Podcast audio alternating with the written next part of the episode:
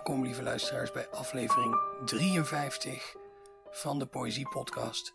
Mijn naam is Daan Doesborg en deze maand ging er van alles mis.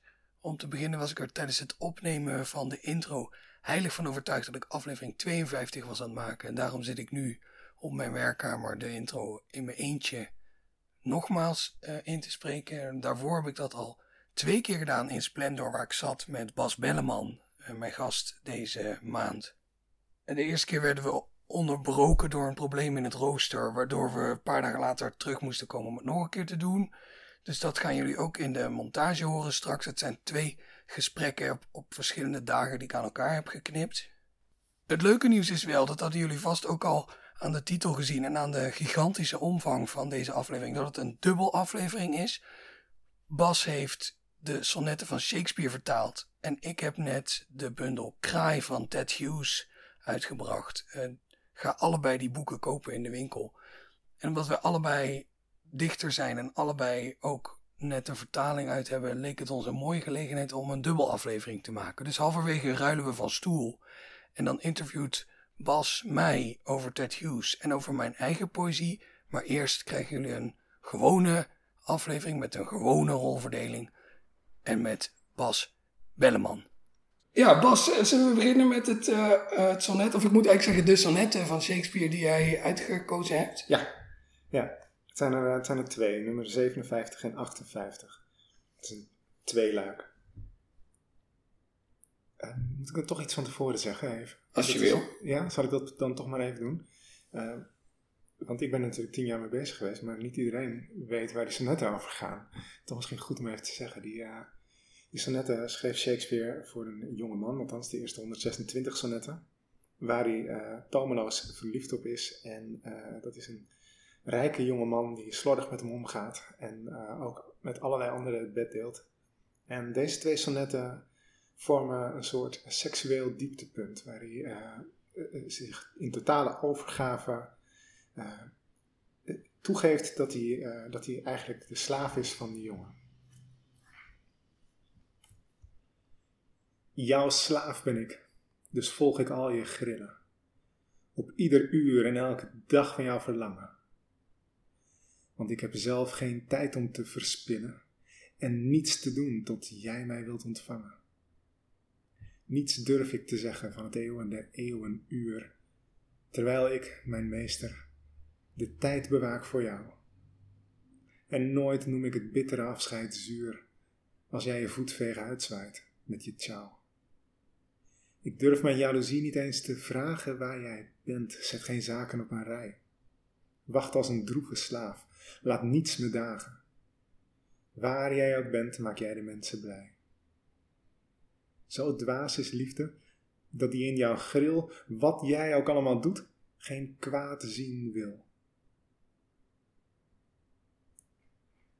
God, die me ten diepste je slaaf heeft gemaakt, verhoede dat ik in gedachten op jouw mooie uren rust. Of op je vingers let, je tijd, je te goede. Ik blijf onderdanig gebonden aan jouw lust. O, doe me pijn want altijd sta ik paraat in deze lege kerker van je vrijheid. Ik tem mijn geduld en noem een lijden wijsheid en zal je niet verwijten dat je slaat.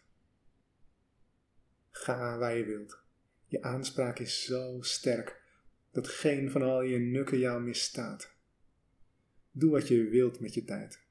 Het is je recht zelf gratie te verlenen voor jouw misdaad. Je lust krijgt mijn zegen, al is mijn wachtende hel. Hij is niet verdorven, en zelfs al was hij het wel.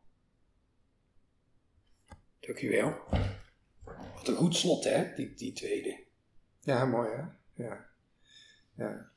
En zelfs al was hij het wel. Ja. Dat is de totale overgave, hè? Dat denk ik ook, ja. Waarom heb jij juist deze twee sonnetten gekozen om uh, hiervoor te lezen? Ik wil er ook wel twee wat minder bekende sonnetten doen. Die, eh, die ik zelf heel mooi vind. Ik vind het, uh, tot, deze behoorde wat mij betreft tot de mooiste van de serie. En het, het, zijn, het zijn extreme in de serie. Dit is extreem.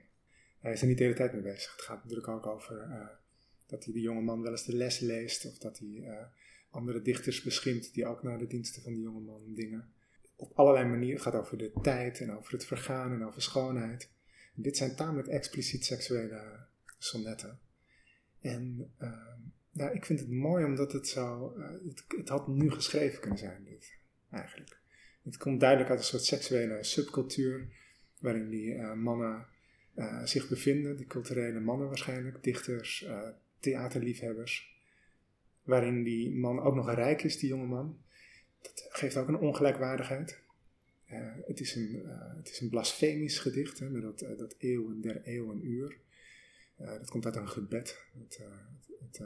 Tot in de eeuwen der eeuwen amen. Dat is een katholiek gebed. En ja, dat, dat, de blasfemische gaat natuurlijk daarna ook door met die andere God die met een diepste jouw slaaf heeft gemaakt. Ja, dan, dan wijd je het ook nog eens aan de schepping. Dus het, het, is heel uh, ja, subversief eigenlijk, het is masochistisch. Het gaat over ongelijkwaardigheid, het gaat over lust. Er komen zoveel thema's in terug. Dat, daarom leek het me een uitgelezen sonnet om het over te hebben, ja. Ik denk dat het voor veel mensen ook wel uh, nieuws is om te horen dat in ieder geval dan de eerste 120 van die sonnetten van Shakespeare, dat die aan een man gericht zijn. Ja. En dus ook dat beroemdste van al zijn sonnetten, want dat is, als ik het goed heb, 18. Ja. Shall I compare die to a Summer's Day? Hè? Ja, Wij zien dat altijd als, als het meest vooraanstaande liefdessonnet misschien wel uit de literatuurgeschiedenis. En ik vind zelf dat dat natuurlijk totaal niet uitmaakt of dat geschreven is door een vrouw aan een man, of andersom, of een man aan een man, of een vrouw aan een vrouw. Dat bedoel, hè? Nou, het was niet gewoon. Als je dat, nee, was, nee, maar... Het was niet gewoon. Het, was, uh, het, was, uh, het bestond wel, homoseksualiteit in die tijd. Hè. Ik bedoel, natuurlijk bestond het, maar het bestond ook in de, de kunst en literatuur. Er werden wel grappen meegemaakt. maar zo'n hele serie van dit soort bijna bekentenisachtige sonnetten over een man. Er is nog een voorbeeld van, maar het is niet, het is niet heel gebruikelijk. En dat is, wel, dat is inderdaad wel opvallend, ja. En wat ik misschien ook wel bedoel is bijvoorbeeld iemand als Oscar Wilde, die staat er wel ook onbekend dat hij homoseksueel was. En dat doet verder, nou ja, dat is een biografisch feitje en niet meer dan dat. Maar bij Shakespeare is dat minder aanwezig, heb ik het idee. Ja, zou het? Ik weet niet, Oscar Wilde heeft het ook wel uh, gebruikt, hè, zijn verdediging uh, in dat proces. Dat hij zegt, ja, mijn liefde voor die jongen, dat is zoals de liefde van Shakespeare voor die andere jongen. En hij wist ook wel dat, uh, dat de mensen Shakespeare net op een voetstuk zetten als de grootste Engelse schrijver ooit. En dat ze absoluut niet van plan waren te denken dat hij homoseksueel was. Dat wilden ze graag voorkomen, die gedachte. Het, weet je, het, het maakt het interessant in, in dit opzicht die poëzie gaat alle kanten op. Hè? Dus het is niet alleen inderdaad liefdespoëzie, waarbij het niet uitmaakt wie aan wie schrijft, maar het is ook liefdespoëzie van een verboden liefde. Het is ook liefdespoëzie van, uh, uh, van een ongelijkwaardige liefde. Ook op twee manieren trouwens, omdat Shakespeare ouder is en overduidelijk het intellectuele overwicht heeft over die jonge man. Maar die jonge man is rijk en liederlijk en uh, doet wat hij wil. Er zijn twee ongelijkwaardigheden tegelijk. Dat is ook interessant. Het was ook wel, mensen zagen het ook wel hoor. Het werd, werd, toen het verzameld werk van Shakespeare werd uitgegeven, uh, ook over gedubt, moeten we dan ook die sonnetten wel uitgeven? Want dat zou wel eens afbreuk kunnen doen aan zijn reputatie. Moeten we dat wel willen met z'n allen? Uh, nou ja, dat, uh, toen hebben ze bedacht van ja, nee, maar in die tijd was het heel normaal om elkaar zo liefdevol aan te spreken. Dus dat, dat was helemaal niet zo seksueel bedoeld. Het was natuurlijk wel seksueel bedoeld, dat kan je duidelijk horen. Maar het, ja, het speelt dus in die zin een rol. Het is niet eh, het is niet altijd belangrijk als je een sonnet leest, maar in de hele lijn, dan, speelt het, uh, dan is het uh, wel van belang. U lijkt het me een nachtmerrie om te vertalen, maar dat is misschien ook al wat het zo leuk maakt. Ja. Klopt dat? Is het zo vreselijk als het lijkt? Het wordt er natuurlijk alleen maar mooier van. Vertalen is, de, dat weet jij vast ook, dat we het straks ook wel over hebben, maar je leest nooit zo secuur als wanneer je iets vertaalt. Dus bijvoorbeeld dat eeuwen der eeuwenuur, in het Engels staat er The World Without End Hour. En ik voelde dat daar iets mee was. Ik wist niet precies wat. Ik herkende het niet meteen. Uh, en in de handboeken stond alleen maar, hij bedoelt een eindeloos uur. Er stond niet een verwijzing naar het gebed toe of zo. Het is ook nooit zo vertaald. Maar het komt wel uit dat gebed. En dat komt dan, uh, dat, dat, merk je omdat je eraan blijft haken. Dus telkens als ik dan iets schreef of iets vertaalde, dacht ik, ja, het staat er toch een beetje gek. Het klinkt een beetje lullig. En dat zal dan wel niet Shakespeare zijn. Dan ligt het waarschijnlijk aan mij. Dat was altijd mijn leidraad. Dus ik dacht, het klinkt nog een beetje gek, dan zal het wel aan mij liggen. Dan moet ik beter kijken.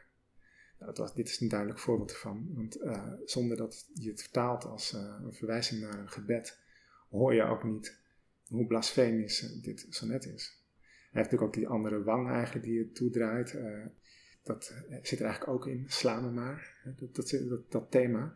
Hij zegt eigenlijk niet alleen ik draai de andere wang toe als je me slaat. Hij zegt zelfs graag. Wat het eigenlijk nog vreemder maakt. Een twist op, uh, op de moraal. Het is bijna Riviaans eigenlijk, dat seksualiseren ja, van het geloof. Ja, hier, hier zeker, ja. Ja, absoluut. En het, uh, dat, dat zoeken naar dat soort betekenis en uh, ook dat wonderlijke, die lege kerker van je vrijheid. En dat hele ongrijpbare beeld, modernistisch eigenlijk. Dat, dat is spannend. Het, het, mooie aan het vertalen vind ik dat je telkens op zoek gaat naar woorden met ongeveer dezelfde spanwijdte, en dezelfde uh, breedte, hetzelfde gewicht. waardoor ze niet altijd helemaal letterlijk hetzelfde zijn. Het is bijvoorbeeld het einde dat jij zo mooi vindt, hè, met uh, hij is niet verdorven en zelfs al was hij het wel. Het eindigt met be it good or ill. Dus dat, dat klinkt, dat, het neemt minder ruimte bij hem dan bij mij. Maar het moest wel op ill eindigen. Althans, het moest eindigen op, op het gevoel van dat ill.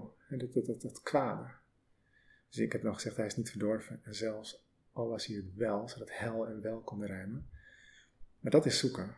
Dus dat je, dat je, dat je dezelfde stroom hebt in het sonnet, waarbij die zweepslag van het laatste woord het einde is. Dat je het eindigt op wel en niet op een of ander voegwoord of hulpwerkwoord of, uh, of iets anders onbelangrijks. Dat je hel kunt laten rijmen daar, dat is heel belangrijk. Ja, dat soort dingen, dat is zoeken. En dat het gedicht niet eerder werkt dan dat je dat doet. Dat, dat maakt het ook zo mooi. Het was ook telkens als ik, uh, als, als ik aan het vertalen was, dat ik dacht, oh, het is nog mooier dan ik dacht. Het gaat maar door. Er zit nog meer in, het, uh, het moet nog ruimer, wijdser, spannender. ja. ja, ik vind het zelf als lezer al bizar elke keer weer als ik iets van Shakespeare lees, dat dit dat dit gemaakt is. Weet je, dat die man heeft bestaan en dit heeft gemaakt. En dat dat 500 jaar, uh, iets minder, ja, 400, ja. 400 jaar overleefd heeft. Dat is een soort, er moeten zoveel dingen goed gaan voordat dat gebeurt. Hè? Die, er moet iemand allereerst geboren worden met dat uitzonderlijke talent. Dat talent moet hij ontdekken. Dat talent moet hij uitbouwen. Uh, hij moet er het podium voor krijgen. Vervolgens moet het bewaard blijven. En, en al die dingen bij elkaar, ja. ja. en ik kan me voorstellen, inderdaad, als je dat werk gaat vertalen, dat heb ik bij, bij Ted Hughes ook ervaren, door er zo diep in te duiken. Nou ja, dat is eigenlijk met alles, denk ik, een, gebouw waar je heel vaak komt. Dat leer je ook beter kennen dan iemand die daar één keer geweest is. Zeker, naar het seksuele ook, hè. Dus dat hij gewoon in allerlei kleine hoekjes en gaatjes... Bijvoorbeeld dat, uh, ik heb zelf geen tijd om te verspillen. Kijk, dat verspillen is natuurlijk een beter woord dan bijvoorbeeld besteden. Want besteden klinkt natuurlijk niet seksueel. En verspillen, ja, niet letterlijk. Maar dat heeft natuurlijk wel iets van per ongeluk over de rand morsen. Er zit iets in. Uh, en dat soort subtiliteit en dat soort uh, gevoeligheid moet je, moet je vinden in die uh, sonnetten. Dat, dat doet hij in elk sonnet. Dus hij heeft telkens woorden die je denkt, ja, wacht even, twintig sonnetten eerder gebruikte hij die ook. In een iets ander verband. En dat hoor je opeens meeklinken in het sonnet waar je mee bezig bent. Of je hoort een keer in een toneelstuk dat je denkt, wacht, dat sta ik nog niet helemaal door. Ik had het een keer met de, de, de dial, dat ging om een wijzer van een klok. En toen uh, begon ik opeens te vermoeden dat het uh, bedoeld was. En dat stond verder niet in het gedicht. Dat had je net zo goed niet hoeven lezen. Maar ik ging naar zoeken en zag ik het inderdaad in Romeo en Juliet, waar Mercutio ook tegen een dame die die groet zegt, goedemiddag. En zegt zij, hè, middag, maar het is toch nog maar ochtend. Nou, zegt hij, mijn wijzer staat al wel op middag. Dat is een beetje, ik citeer het natuurlijk niet letterlijk, maar daar komt het op neer. Ik dacht van, ja zie je, dat is geen toeval. Hij gebruikt dat grapje en ik, ik voel aan dat dat daar zit. Ja, dat is met heel veel van dat soort woorden zo. Ja, dat, is, uh, dat maakt het wel spannend om te vertalen, ja. Je denkt, ik kan nog steeds verder gaan. In elke hoek waar je kijkt zit weer een piemelgroot verstopt. ja, nou, als het plat wil zeggen, ja, ja, Als je het een beetje banaal maakt wel. Ja, en daarom heb ik ook trouwens iets met het ritme. Hè, want je kunt het natuurlijk, uh, hij gebruikt de jambische pentameter zoals dat heet. Dus tien lettergrepen of elf. Papam, papam, papam, papam. Shall I compare it to a summer's day? Uh, en ik, ik heb dan ook de dactylus wel eens gebruikt. Dat je twee onbenadrukte lettergrepen uh, tussendoor hebt. Dus wat Homerus doet hè, met Andra Moyen, de dat, dat, uh, dat ritme. Omdat je het anders gewoon niet allemaal kwijt kunt. Dus ik, ik vond het moest flowen, het moest, moest lopen. Het moest ook vijf nadrukken per regel hebben. Maar die ruimte gaf mezelf dan wel dat het, dat het enigszins, ja, dat het een iets ander ritme mocht volgen. Ik kan me ook voorstellen dat je heel vaak. Dan, je, bent, je, hebt een, je hebt een gedicht vertaald. Je denkt, nou, dat heb ik, heb ik netjes gedaan.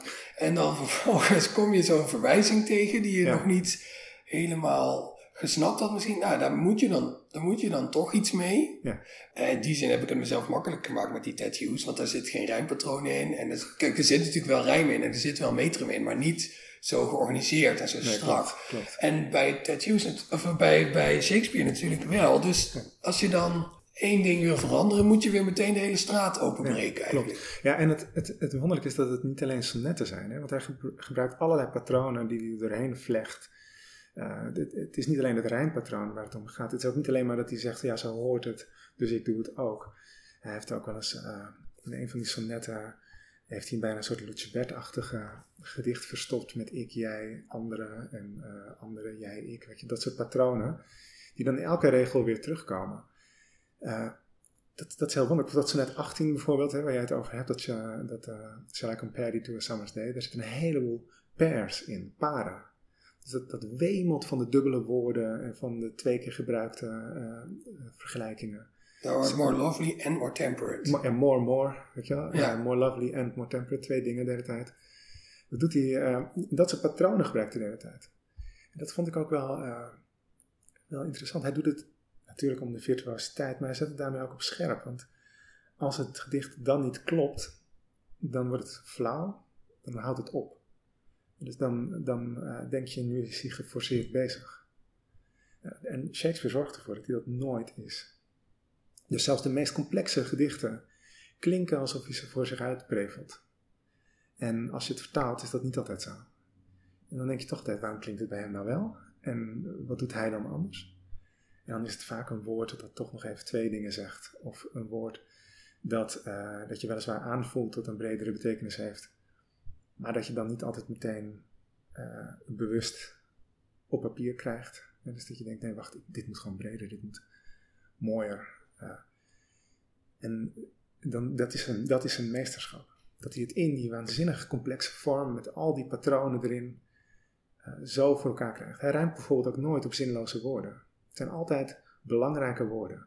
Het is dus nooit uh, kort geslagen wordt of zo, want dan, dat woord is niks. Dus dat moet dan uh, wordt geslagen of zo zijn. En dan moet je iets anders verzinnen op kort. Ja. Want anders, anders is het niet een mooi rijm dan wordt het bijvoorbeeld verlagen. Nou ja, weet je, dan heb je dus verlagen geslagen. Dat is al meteen honderd keer zo mooi als uh, kort woord.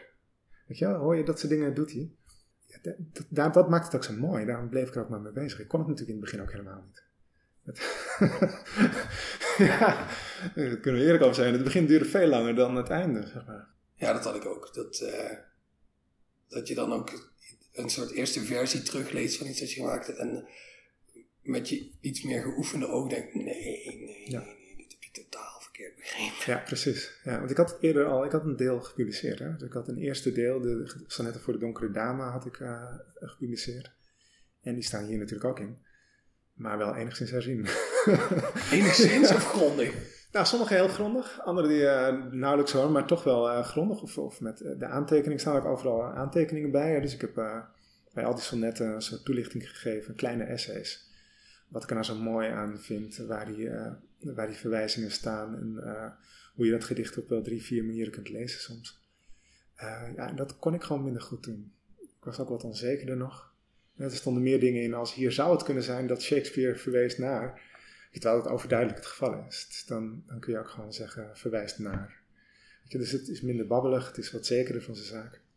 Ik vind dat trouwens wel een mooie structuur die jouw boek heeft. De luisteraar kan dat natuurlijk niet zien. Maar dus, dus het begint met alle vertalingen die je gemaakt hebt van alle sonnetten. En daarna volgt eigenlijk uh, de originele uh, plus, jouw, plus jouw toelichting. Ja. Dus je krijgt eigenlijk krijg je het hele ding twee keer. Alleen bij de originele staat er, staat er nog van alles uh, Ja. bij. Ik vind dat...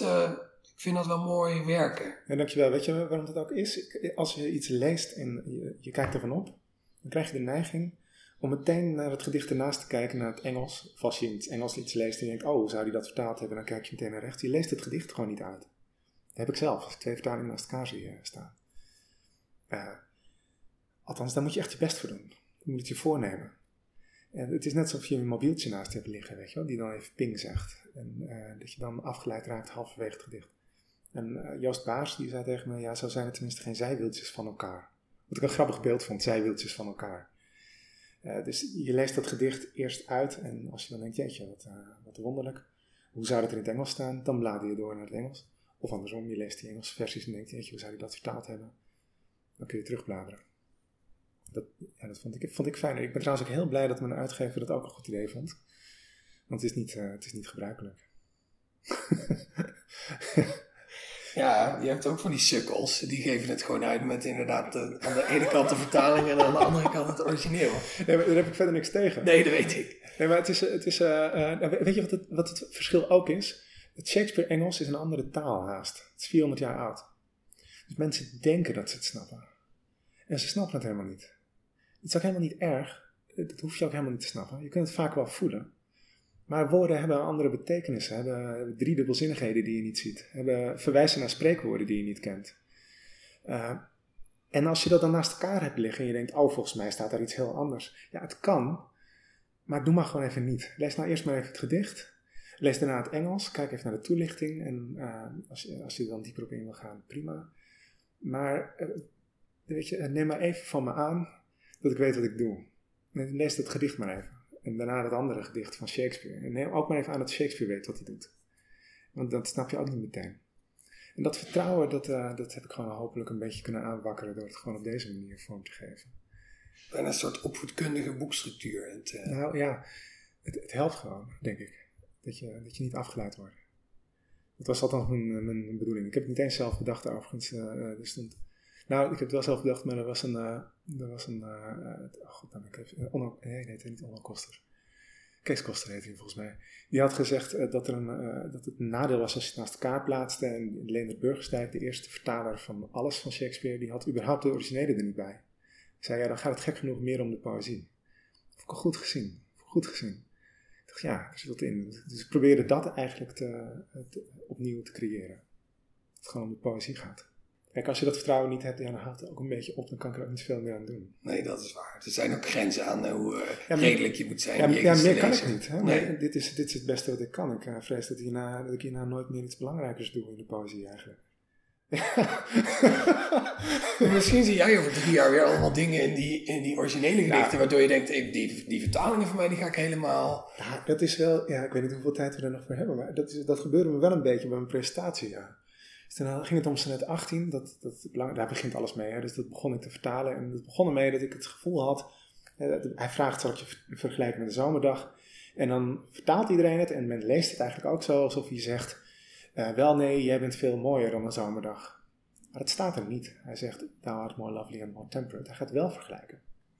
Alleen, eh, het is heel normaal dat je eerst iets anders leest. Van nee, jij bent mooier. De zon is, schijnt soms te heet, soms regent het. Jij bent veel beter dan de zomerdag. En eh, toen dacht ik, oh, maar hij zegt nog iets. Hij zegt eh, tegen die jonge man, eh, jij komt al een beetje in je nazomer, want jij bent veel evenwichtiger dan, dan een zomerdag. Dus jij wordt al wat ouder. En wat me daar niet lekker aan zat, was het idee dat hij een jonge man aansprak. Dus ik dacht, ja, dat klopt iets niet helemaal. Maar goed, scheurde dat een beetje van me af. Toen ging ik die presentatie voorbereiden voor, voor mijn boek. En toen dacht ik, ja, al die paren in dat sonnet, dit is gewoon ook een paar. Shakespeare heeft een paar gemaakt. Hij heeft eigenlijk twee sonnetten met precies dezelfde woorden geschreven. Dus één sonnet voor de jonge man en eentje voor als hij ouder is en inderdaad in zijn nazomer komt en het gedicht herleest en dan iets anders leest. Ik dacht, ja, dat, is, dat heb ik nog nooit gezien. Dat een, eh, misschien dat ik ook niet alle dichters zoals Secuur lees. Maar het idee dat je hetzelfde sonnet eigenlijk twee betekenissen geeft, niet op een flauwe manier, maar gewoon echt temporeel, erop rekenend dat iemand tien jaar later iets anders leest, dat geeft ook wel uh, weer hoeveel vertrouwen Shakespeare had in zijn eigen poëzie, dat hij de tijd nam voor dat soort dingen. Ja, dat afkwam Dat heb ik dus niet in mijn aantekeningen staan. dat is een bonus track die nu in deze podcast en in mijn presentatie uh, kwam. Dan zou je misschien jouw huidige vertalingen van de sonnetten 57 en 58 nog een keer willen laten horen? Jouw slaaf ben ik, dus volg ik al je grillen. Op ieder uur en elke dag van jouw verlangen. Want ik heb zelf geen tijd om te verspillen. En niets te doen tot jij mij wilt ontvangen. Niets durf ik te zeggen van het eeuwen der eeuwen uur. Terwijl ik, mijn meester, de tijd bewaak voor jou. En nooit noem ik het bittere afscheid zuur, als jij je voetveeg uitzwaait met je ciao. Ik durf mijn jaloezie niet eens te vragen waar jij bent. Zet geen zaken op een rij. Wacht als een droeve slaaf. Laat niets me dagen. Waar jij ook bent, maak jij de mensen blij. Zo dwaas is liefde dat die in jouw gril, wat jij ook allemaal doet, geen kwaad zien wil. Wil met hoofdletter trouwens. God die me ten diepste je slaaf heeft gemaakt, verhoede dat ik in gedachten op jouw mooie uren rust, of op je vingers let, je tijd, je te goede. Ik blijf onderdanig gebonden aan jouw lust. O, doe me pijn, want altijd sta ik paraat in deze lege kerker van je vrijheid. Ik tem mijn geduld en noem een lijden wijsheid en zal je niet verwijten dat je slaat. Ga waar je wilt. Je aanspraak is zo sterk dat geen van al je nukken jou misstaat. Doe wat je wilt met je tijd. Het is je recht zelf gratie te verlenen voor jouw misdaad. Je lust krijgt mijn zegen, al is mijn wachtende hel. Hij is niet verdorven, en zelfs al was hij het wel. Dankjewel. Nou, laten we dan nu de sprong maken naar jouw eigen gedicht. Deze podcast is eigenlijk ook een soort vertaling met de originele daarnaast. Ja, eigenlijk wel, ja. en, en, ik wil je een verborgen agenda om jou te vragen naar je eigen vertaling. Was één, omdat ik er heel nieuwsgierig naar was. Maar twee, was eigenlijk ook om mijn eigen poëzie te kunnen overslaan. Tot ik dacht, ja, het is misschien toch een beetje laf. Nou ja, dat, dat, uh, dat doen we dan maar niet. Ja, ja dus mijn eigen gedicht. Oh ja. Oké, dit was Shakespeare, nou Belleman. ja. ja. Ja, nou, zal ik uh, mijn eigen poëzie dan... Uh, ja, ja. Waar ik mee bezig was, ik heb natuurlijk twee bundels uitgebracht en uh, dat is al een poos geleden. En dat waren vrije versen en zo. En ik dacht wel een tijdje, ja, dit kan, maar ik, ik wist niet meer zo goed waarom ook alweer. En dat was een van de redenen om Shakespeare te gaan vertalen. Ik dacht, ik ga gewoon iets het allerbeste bekijken. En die vorm beviel me ook en het strakke en dat hij al die patronen had. Ik dacht, dat ga ik ook doen. Maar hoe dan? Dus ik aan Jan Schoonhoven denken. Die maakt van die prachtige beeldende kunst met van die patronen, van die witte schilderijen, met allemaal uh, patronen erin, uh, blokjes, uh, hoekjes. Ik dacht, als ik dat nou eens ga doen in de poëzie, kijk of dat kan. Dus in deze poëzie is elke lettergreep op enkele benadrukte, onbenadrukte e na hetzelfde.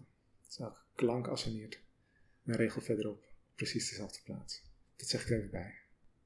als dat nou te lang is, dan snij je het gewoon zo dat het na mijn gedicht komt. Ja, dat kan gewoon. Dat kan hè. Het komt uit een reeks over jaloezie, zeg ik er nog even bij. Ochtendlicht. Grof is de nacht, stil is de dag. Ongericht zocht ik de stad, dit is het strand. Offer ik soms minder dan ik missen kan, of het is onzinnig wat ik missen kan. Vochtig licht komt schichtig land in, ik verlang tot je zwicht. Tot ik je snap, stil ik mijn zang. Hond gemist, dof in mijn vacht, spin ik een kat. 2. Ken je me? In parken zie ik je veren terug. Engelen inniger dan verdriet, ik verleer je kus. Zwermen verzinnen een ander lied, ik bezweer je vlucht.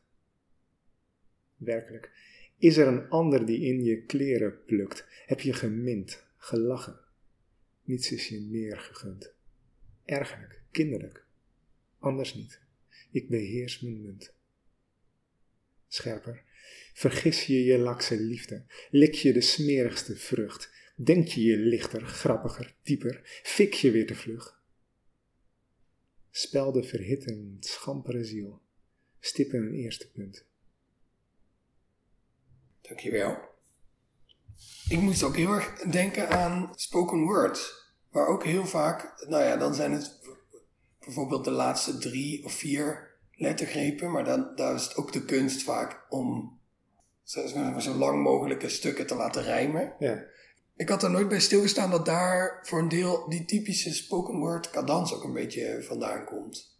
Ja. Dat, dat, zit hier, dat zit hier ook eh, eh, een beetje in. En het, op de een of andere manier, maar dat is misschien meer eh, projectie van mij uit, worden je gedichten er ook heel stellend van, vond ik. Veel stellig, dat is hetzelfde. Ja, dat is denk ik mijn associatie met, met spoken word, dat het vaak uitblinkt in zelfverzekerdheid Mhm. op een mooie manier. En, en dat heb ik dan misschien met die, met die gekoppelde klankherhalingen geassocieerd. Is dat zou totale ja. onzin wat ik nu uitkraam? Of, eh, Even een standaardvraag, hè? ja, klopt. Is, als ik dat dan zie in iemands ogen, dan ga ik daar eventjes... Is dat totale onzin? Nee hoor, dat is geen, zeker, en dat zegt ook iedereen. Nee, dat is geen totale onzin. Ja, dat- ik, ik wacht ook op de dag dat iemand een keer zegt... Nou ja, als ik even eerlijk ben, ja, eigenlijk is dat totale onzin wat je nu uitkraamt. Nee, het is geen totale onzin. Maar die zelfverzekerheid komt er volgens mij uit voort dat, eh, dat je zeker weet dat iemand op dat moment wel bewust die woorden kiest. En dat is toch een probleem met vrije poëzie. Ik denk, ja, dit kunnen ze zeggen. Ze hadden ook een andere afslag kunnen nemen. Ze hadden ook een andere associatie kunnen hebben, net hoe het toevallig in opkwam. Eh, vaak bij, eh, bij vrije poëzie, en dat had ik ook wel met mijn eigen poëzie, dacht ik dat het meer een soort eh, blik is in iemands karakter. Dat je denkt, oh, wat een, eh, wat een eh, interessante associaties heeft zo iemand allemaal op een dag. Eh, dan, dat je, dan dat je het gevoel had dat het onvermijdelijk was. En dat is denk ik het voordeel als je laat zien dat het onvermijdelijk is. Dat de vorm je dwingt tot bepaalde klanken. Dan, dan ziet het gedicht er zo uit en het kan niet anders. En als dan eh, wat je zegt klopt, als wat je zegt niet geforceerd klinkt, dan krijgt het een soort van zelfsprekendheid die, eh, eh, die ik althans bij mezelf miste toen ik dat niet deed.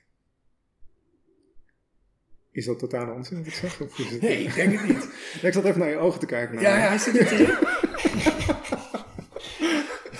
Nee, maar want misschien is het inderdaad ook door die zinnen exact dezelfde verdeling van, van klinkers te geven, impliceer je misschien ook dat het allemaal klopt. Dus Mhm. omdat de vorm klopt, klopt de inhoud ook. Ja. En dat is misschien ook wat in, in die spoken word teksten vaak een beetje zit. Van, kijk, ik heb dit precies in elkaar weten te passen. Dus ik, ik versta mijn vak en daarom klopt het misschien ook wel wat ik zeg. Ja, dat, dat hoop je wel. En als het dan niet klopt, dan, want het is niet makkelijk hoor. Ik, ja, het is flauw om te zeggen, maar het, het viel niet mee. Toen ik dit probeerde te ontwikkelen, ging het voor een meter. Ik had het idee dat ik het toch wilde proberen. En het zet gewoon het mes op je keel. Je kunt niet anders dan, eh, dan een zwakke uitvlucht eh, verbeteren. Dat, dat, dat is het misschien ook wel. Ja, ik, moet eerlijk zeggen dat ik minder goed in de spoken word zit dan jij waarschijnlijk. Dus ik weet niet of iedereen het even goed doet. Ik kan me zo voorstellen dat het ook wel eens heel cool klinkt. Terwijl je niet altijd eh, gelooft wat iemand zegt. En eh, nu zijn we hier drie dagen later om ons gesprek af te maken. Ja. Weet jij nog waar we ongeveer gebleven waren? Nou, niet helemaal. Oké, nou dan. ehm, ja, volgens mij, we hadden het over jouw gedichten, dat weet ik We hadden wel. het over mijn gedicht. Ja. En jij, maar misschien, want jij wou een correctie aanbrengen over wat Nee, je het is zei. niet een correctie. Het is meer dat ik, eh, ik, ik had tegen jou zoiets gezegd als als je een hele strakke vorm gebruikt, dat zet de mes op de keel en dan alleen als de inhoud nog klopt, dan kan dat. Hè? Want anders, eh, anders gaat, het, eh, gaat het mis, dan klinkt het geforceerd, dan klinkt het eh, alsof je maar wat doet. Hè? De, En je zei ook, je moet dan elke keer op zoek naar een nog betere optie, want je kan nergens meer wegkomen Ja, doordat die vorm dwingend Precies, ja, en toen, toen dacht ik, ja, wat heb ik dan, hoe zit het dan in die gedichten die ik voorgedragen heb?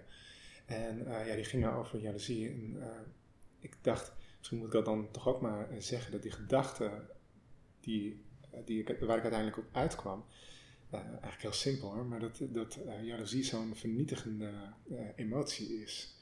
Dat hoe erger de jaloezie is, hoe erger het wordt, de situatie. En dat je daardoor altijd het verkeerde doet. als je jaloers op iemand bent, dan ze je weg. En dat probleem, dat je dus met, uit alle macht probeert dat niet te laten gebeuren, maar toch jaloers bent, dat lijkt me het drama van jaloezie. En toen, toen ik dat een beetje snapte, lukte het om die gedichten te gaan schrijven. Nou, misschien moet ik ze maar gewoon nog een keer voorlezen. Ja, dat, ik, volgens mij zijn we wel eens een beetje dan bij het einde van dat. Ja, uh, denk ik ook. Ja, ja dat, uh, uh, laten we dat doen. Ochtendlicht. Grof is de nacht, stil is de dag. Ongericht zocht ik de stad, dit is het strand. Offer ik soms minder dan ik missen kan, of het is onzinnig wat ik missen kan. Vochtig licht komt schichtig land in. Ik verlang tot je zwicht, tot ik je snap stil ik mijn zang.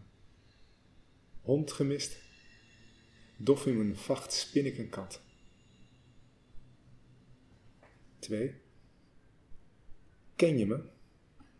In de parken zie ik je veren terug, engelen inniger dan verdriet. Ik verleer je kus. Zwermen verzinnen een ander lied. Ik bezweer je vlucht. Werkelijk, is er een ander die in je kleren plukt? Heb je gemind, gelachen? Niets is je meer gegund. Ergerlijk, kinderlijk, anders niet. Ik beheers mijn munt. Scherper.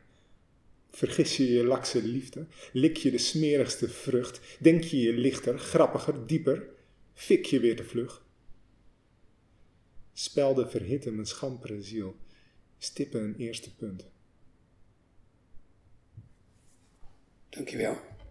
Dan zijn we daarmee denk ik aan het einde gekomen van de eerste helft van deze dubbelaflevering. Ja. En dan, dat snel, die hebben we toch best snel. Ja, dat hebben we echt heel snel gedaan. En, en hebben we er maar vier dagen voor nodig gehad. dan, en dan uh, geef ik nu de regie uit handen, denk ik. Ja, het is gek hè? Moeten we eigenlijk ook van stoel wisselen? Ja, laten we dat doen. Voor het idee. Voor het idee.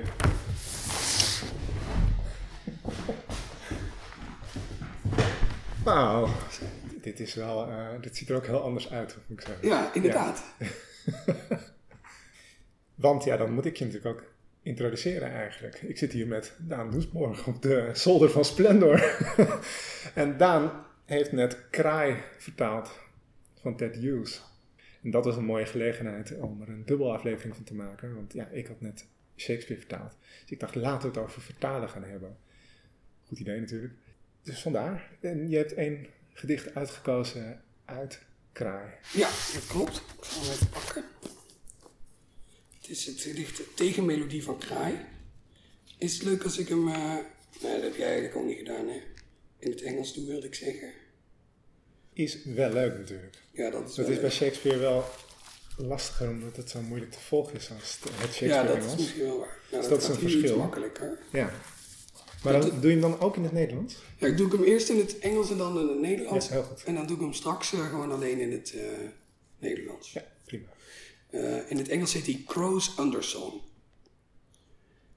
She cannot come all the way. She comes as far as water, no further. She comes with the birth bush into eyelashes, into nipples, the fingertips. She comes as far as blood and to the tips of hair. She comes to the fringe of voice. She stays even after life, even among the bones. She comes singing. She cannot manage an instrument. She comes too cold, afraid of clothes, and too slow, with eyes wincing, frightened when she looks into wheels. She comes sluttish. She cannot keep house. She can just keep clean. She cannot count. She cannot last. She comes dumb. She cannot manage words. She brings petals in their nectar fruits in their plush. She brings a cloak of feathers, an animal rainbow. She brings her favorite verse and these are her speeches. She has come amorous. It is all she has come for. If there had been no hope, she would not have come. And there would have been no crying in the city. There would have been no city. En in mijn vertaling is dat tegenmelodie van kraai. Ze komt er niet helemaal. Ze komt zo ver als het water, niet verder. Ze komt met de perswee over wimpers, over tepels, de vingertoppen. Ze komt zo ver als bloed en tot de haarpunten. Ze komt tot de zoom van stem. Ze blijft. Zelfs na het leven, zelfs tussen beenderen. Ze komt zingend, ze beheerst geen instrument, ze komt onvoorbereid, bang voor kleren en te langzaam, met ogen angstig verkrampend wanneer ze in raderen kijkt. Ze komt sletterig, kan niet huishouden, ze kan alleen schoonhouden, ze kan niet tellen, ze kan niet duren, ze komt stom, ze beheerst geen woorden, ze brengt bloemblaadjes in hun nectarvruchten, in hun plusje, ze brengt een verenmantel, een regenboog dieren, ze brengt haar lievelingspelzen. En dit is haar praten. Ze is verliefd gekomen, dat is alles waar ze voor kwam. Als er geen hoop zou zijn, was ze niet gekomen. En dan was er ook geen huilen in de stad. Dan was er geen stad. Ja, mooi. Mooi hoor. En waar, waarom specifiek deze?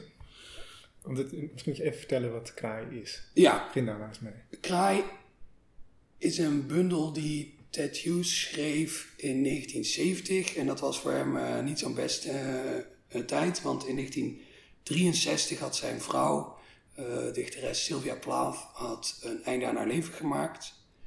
En in 1968, als ik het goed heb, is de, de vrouw voor wie hij Plath eh, verliet, had ook een einde aan haar leven gemaakt. Op dezelfde manier ook. Eh, en het, het tragische verschil tussen Sylvia Plath, eh, die zelfmoord pleegde, en Assia Weevil, die zelfmoord pleegde, is dat Assia Weevil ook het vierjarige dochtertje dat ze met Ted Hughes had, met haar meenam. En in, in 1970, dus twee jaar later, het eerst, de eerstvolgende poëziebundel die Ted Hughes uitbrengt is Crow.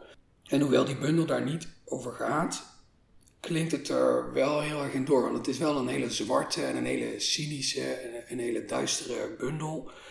Waarin een kraai rondloopt in de wereld eigenlijk terwijl die geschapen wordt door God. Dus er zit heel veel Genesis-thematiek in. Maar tegelijkertijd is het ook post-apocalyptisch en zijn er ook een heleboel sporen van de moderne beschaving. Er ligt afval en eh, er zijn steden en weet ik wat allemaal. Dus dat, die wereld waarin het zich eh, afspeelt, die is tegelijkertijd in opbouw en in afbraak. Ja, en hij schetst hem ook zelf, hè, voor een deel. Ja, ja kraai en God, die, die zijn ook inderdaad een beetje allebei. Of ze werken elkaar tegen en, en scheppen en vernietigen. Het gaat heel erg hard, hand in hand en is ook voortdurend eigenlijk tegelijk gaande. Ja, bijna duivels ook, hè? Bijna, toch die kraaien. Ja, hij is, ehm, het, het is een beetje ambigu. Hij is, hij, is geen, hij is niet de slechterik in het verhaal bijvoorbeeld. Maar hij belichaamt wel het kwaad of het cynisme. Of, of- maar maar je, je gaat toch ook een beetje van hem houden op een gekke manier. Het is geen eendimensionale schurk. Toch is dat wonderlijk, hè? Dat, dat, we hebben het over de poëzie van Ted Hughes. En eigenlijk het eerste wat zelfs jij als vertaler aansnijdt, is toch het drama van zijn leven. Je kunt er bijna niet omheen, hè? Nee, ik heb ook een paar keer. Dan schreef ik bijvoorbeeld een stuk over Hughes. En dan was ik de eerste 500 woorden bezig met, met die, die hele situatie uitleggen. En omdat. Ja, het is net alsof het, alsof het in de weg staat. Ik, was ook, ik had een vriendin op bezoek van de week en die zei tegen mij: Moesten we niet een hekel hebben aan Hughes? Nou, dat is op zich een goede vraag. Toen het erop ging lijken dat het me zou gaan lukken om een uitgever te vinden voor deze vertaling, toen heb ik ook eerst nog e- echt even grondig aan mezelf gevraagd: is hij nou een schurk of niet? Hè, er wordt uit, uit feministische kringen, zeg ik heel voorzichtig. Ik zou mezelf ook absoluut als een feminist omschrijven, dus hoor ik dan bij feministische kringen? Nou ja, sommige misschien wel en andere misschien niet. Ehm, misschien moet ik zeggen, uit radicaal feministische kringen wordt Ted Hughes vaak voor de voeten geworpen dat hij er debet aan is dat Sylvia Plath een einde aan haar leven heeft gemaakt. En ik denk dat hij zeker een, een, een van de redenen was waarom zij een einde aan haar leven heeft gemaakt. Want zij hadden geen gelukkig huwelijk en dat lag voor een deel aan hem. Hij was overspelig, uh, maar tegelijkertijd wilde hij ook geen afstand doen van die relatie met Sylvia Plath. Dus het is ook niet zo dat hij zei, goh, ik ben verliefd op een andere vrouw en ik, en ik ga nu bij je weg. Hij hield dat toch een beetje in stand. Dat deed zij zelf ook. Laat, laten we dit even richting de poëzie trekken. Je kunt dus bijna niet anders dan die poëzie lezen met dit in je achterhoofd. Nou, dan, dan uh, kies je nu een gedicht waar hij over een vrouw, ze, hij heeft het over een vrouw. die kraai bezingt een ze. En hoe bezingt hij die dan? Wat is dat voor vrouw die hij hier bezingt? Ja, dit is in die zin een gek gedicht. De sfeer is heel erg die van een gedicht waarin iemand bezongen wordt, waarin iemand op een voetstuk wordt gezet. Maar als je dan kijkt naar wat er precies gezegd wordt, dan worden er tekortkomingen benadrukt. En eigenlijk is dat ook wel een soort hele eerlijke manier van iemand op een voetstuk zetten. Hè. Als, je, als je iemand prijst door alleen maar de goede dingen te benadrukken, dan zegt dat volgens mij minder dan wanneer je zegt: dit is goed en dit is slecht. En dat, dat zijn allemaal redenen waarom ik jou op een voetstuk plaats. Hij doet het allebei. Hè? Ze, zegt ook, ze brengt bloemblaadjes in een nectarvruchten, in een plusje. Dat is natuurlijk juist iets heel moois. Ja, klopt. Ja, daar wordt het, daar wordt het heel, uh, heel veelkleurig en mooi en, en uh, uh, ook wel wat erotisch. Maar er staat ook in, ze komt onvoorbereid, ze komt sletterig, ze kan niet ja. huishouden. Ja, daarom, daarom moet ik eerlijk zeggen dat ik ook wel even van opkeek dat je uitgerekend dit sonnet of was son, ik, hoor je mijn, hoor je ja. mijn uh, preoccupatie met sonnetten? Ja, dat, je uitgerekend, uh, dat je uitgerekend dit gedicht van uh, Ted Hughes uitkoos. Ik dacht, hier zit natuurlijk wel een enorme male gaze in. Ja, dat klopt. En dat, ja, dat is waar. Dat is misschien een, een linker keuze van mij. Maar ik vond dit ook wel een gedicht... Er zit ook een hele grote kracht in, die bij die bezongen persoon ligt. En bijvoorbeeld aan het slot... Ik, als er geen hoop zou zijn, was ze niet gekomen. Dan was er ook geen huilen in de stad. Dan was er geen stad. Daar, voor mij spreekt daar echt in van, nou, deze vrouw, want het is een zij, dus dan. Die heeft de macht om, om steden te vernietigen of niet te vernietigen. En, ja, of, of, steden überhaupt te laten bestaan. Ja. En dan was er geen stad, staat er tussen haakjes. Bijna als een opmerking terzijde. Van, ja, nee, maar dan zou ja, er niet eens helemaal Dit is verondersteld, dat weten jullie eigenlijk wel, maar ik zeg het er toch nog even ja. bij. Dan, ja, dan was er helemaal geen stad. Als zij dat niet had gewild. Nou ja, dat, daarmee geef je iemand natuurlijk. En ook zoiets als ze is verliefd gekomen, dat is alles waar ze voor kwam. Dat is iets heel mooi kwetsbaars. Maar en, ook beperkend, vind je niet? Die vrouw is wel ook vooral uh, mythisch. Ja, ja, je moet natuurlijk voor, voor de doortastende beschrijvingen van, uh, van, van vrouwen als wezens van vlees en bloed, hoef je niet per se bij Ted Hughes te zijn. Uh, hij heeft er, uh, geloof ik, moet ik even rekenen, 35 jaar over gedaan om op een tedere manier over Sylvia Plath te kunnen schrijven. Ja, in de birthday letters. In de birthday letters, inderdaad. Die zijn dan trouwens wel erg mooi. Ja, die zijn ook die zijn erg mooi. Maar ja, goed, dan kom ik even terug op wat ik net zei. Ik heb heel bewust die het besluit genomen om achter deze poëzie te gaan staan. Ja. En heb mezelf ingelezen in wat was er nou precies tussen die Sylvia Plath en Ted Hughes? Wat waren nou precies de omstandigheden van haar zelfmoord? Hoe, hoe zit dat met die Asiawivel? Kijk, als, als vlak achter elkaar twee van je partners uh, zelfmoord plegen, nou ja, dan heb je de schijn tegen. Dat is natuurlijk wel. Oh, God, ja. ja. Ted Hughes is natuurlijk ook gewoon een groot dichter, hè? Ja. Nog, nog los van wat er in zijn persoonlijke en leven een gebeurt. Ja, precies. Het is, het is, hij zit allebei. Hè? Ja. Het, het, een groot dichter en er zit een enorm drama in, maar het blijft natuurlijk fascineren. Het, Ja. is, het is nog los van wat je precies vindt van de ethiek achter deze bundel, is het natuurlijk wel waanzinnig om te lezen. Zelfs met de beperkingen van Hughes erin. Ja. Misschien zo, iets, zo terug naar die poëzie. Kun je vertellen wie Kraai nou eigenlijk is? Is dat een zelfportret? Is dat mythe? Wat ik aan dit gedicht bijvoorbeeld heel sprekend vind, de titel is, is Tegenmelodie van Kraai. De tegenmelodie is een woord dat ik zelf ook niet kende, want ik ben niet zo muzikologisch onderlegd. Ook al wordt deze podcast in een muziektempel uh, opgenomen. Maar een tegenmelodie is eigenlijk een melodie, en het woord undersong laat dat misschien iets beter zien, die, die onder de hoofdmelodie van een muziekstuk ligt. Die daarvoor gezongen is door de uil trouwens. Ja, klopt ja. En um, nou, je zou ook kunnen zeggen, zo'n tegenmelodie die vormt een, een tegenstroom, maar ook een soort fundament. En in, in dat opzicht, als, er wordt hier, een, wordt hier een, een vrouw bezongen en die vormt de tegenmelodie voor het personage Kraai. Dus je hebt Kraai en, daar, en daaronder golft deze vrouwelijke persoon. Um, als je het zo leest zou je zeggen, nou dan is Kraai natuurlijk Ted Hughes. En de zij in dit gedicht is Sylvia Plath. Of Asia Weeville. Als je het heel biografisch gaat Als je het biografisch gaat lezen, inderdaad. Maar op andere fronten is die kraai helemaal niet zo makkelijk in overeenstemming te brengen met Ted Hughes. En veel beter met het mythische figuur van de, de trickster. Je hebt in heel veel uh, mythologie over de hele wereld. Uh, bij de Aboriginals bijvoorbeeld, maar ook in, in uh, Afrikaanse en, en Hindoestaanse literatuur heb je trickster-goden en trickster-figuren. Dat zijn een soort narachtige types, een beetje Reinhard de Vos-achtig. Die lopen een beetje rond in de schaduw van de grote hoofdrolspelers. En die lopen daar de hele tijd de boel een beetje te verstieren en een beetje te sarren, maar ook een beetje commentaar te leveren. En dat maakt een natuurlijk hele interessante figuur. Ik geloof Anansi de Spin is ook zo'n trickster figuur. En in de persoon van Kraai grijpt Ted Hughes daar heel erg op terug. Hij, hij schrijft eigenlijk een soort nieuwe mythologie. Hij sleept ook alles erbij, hè? Alles.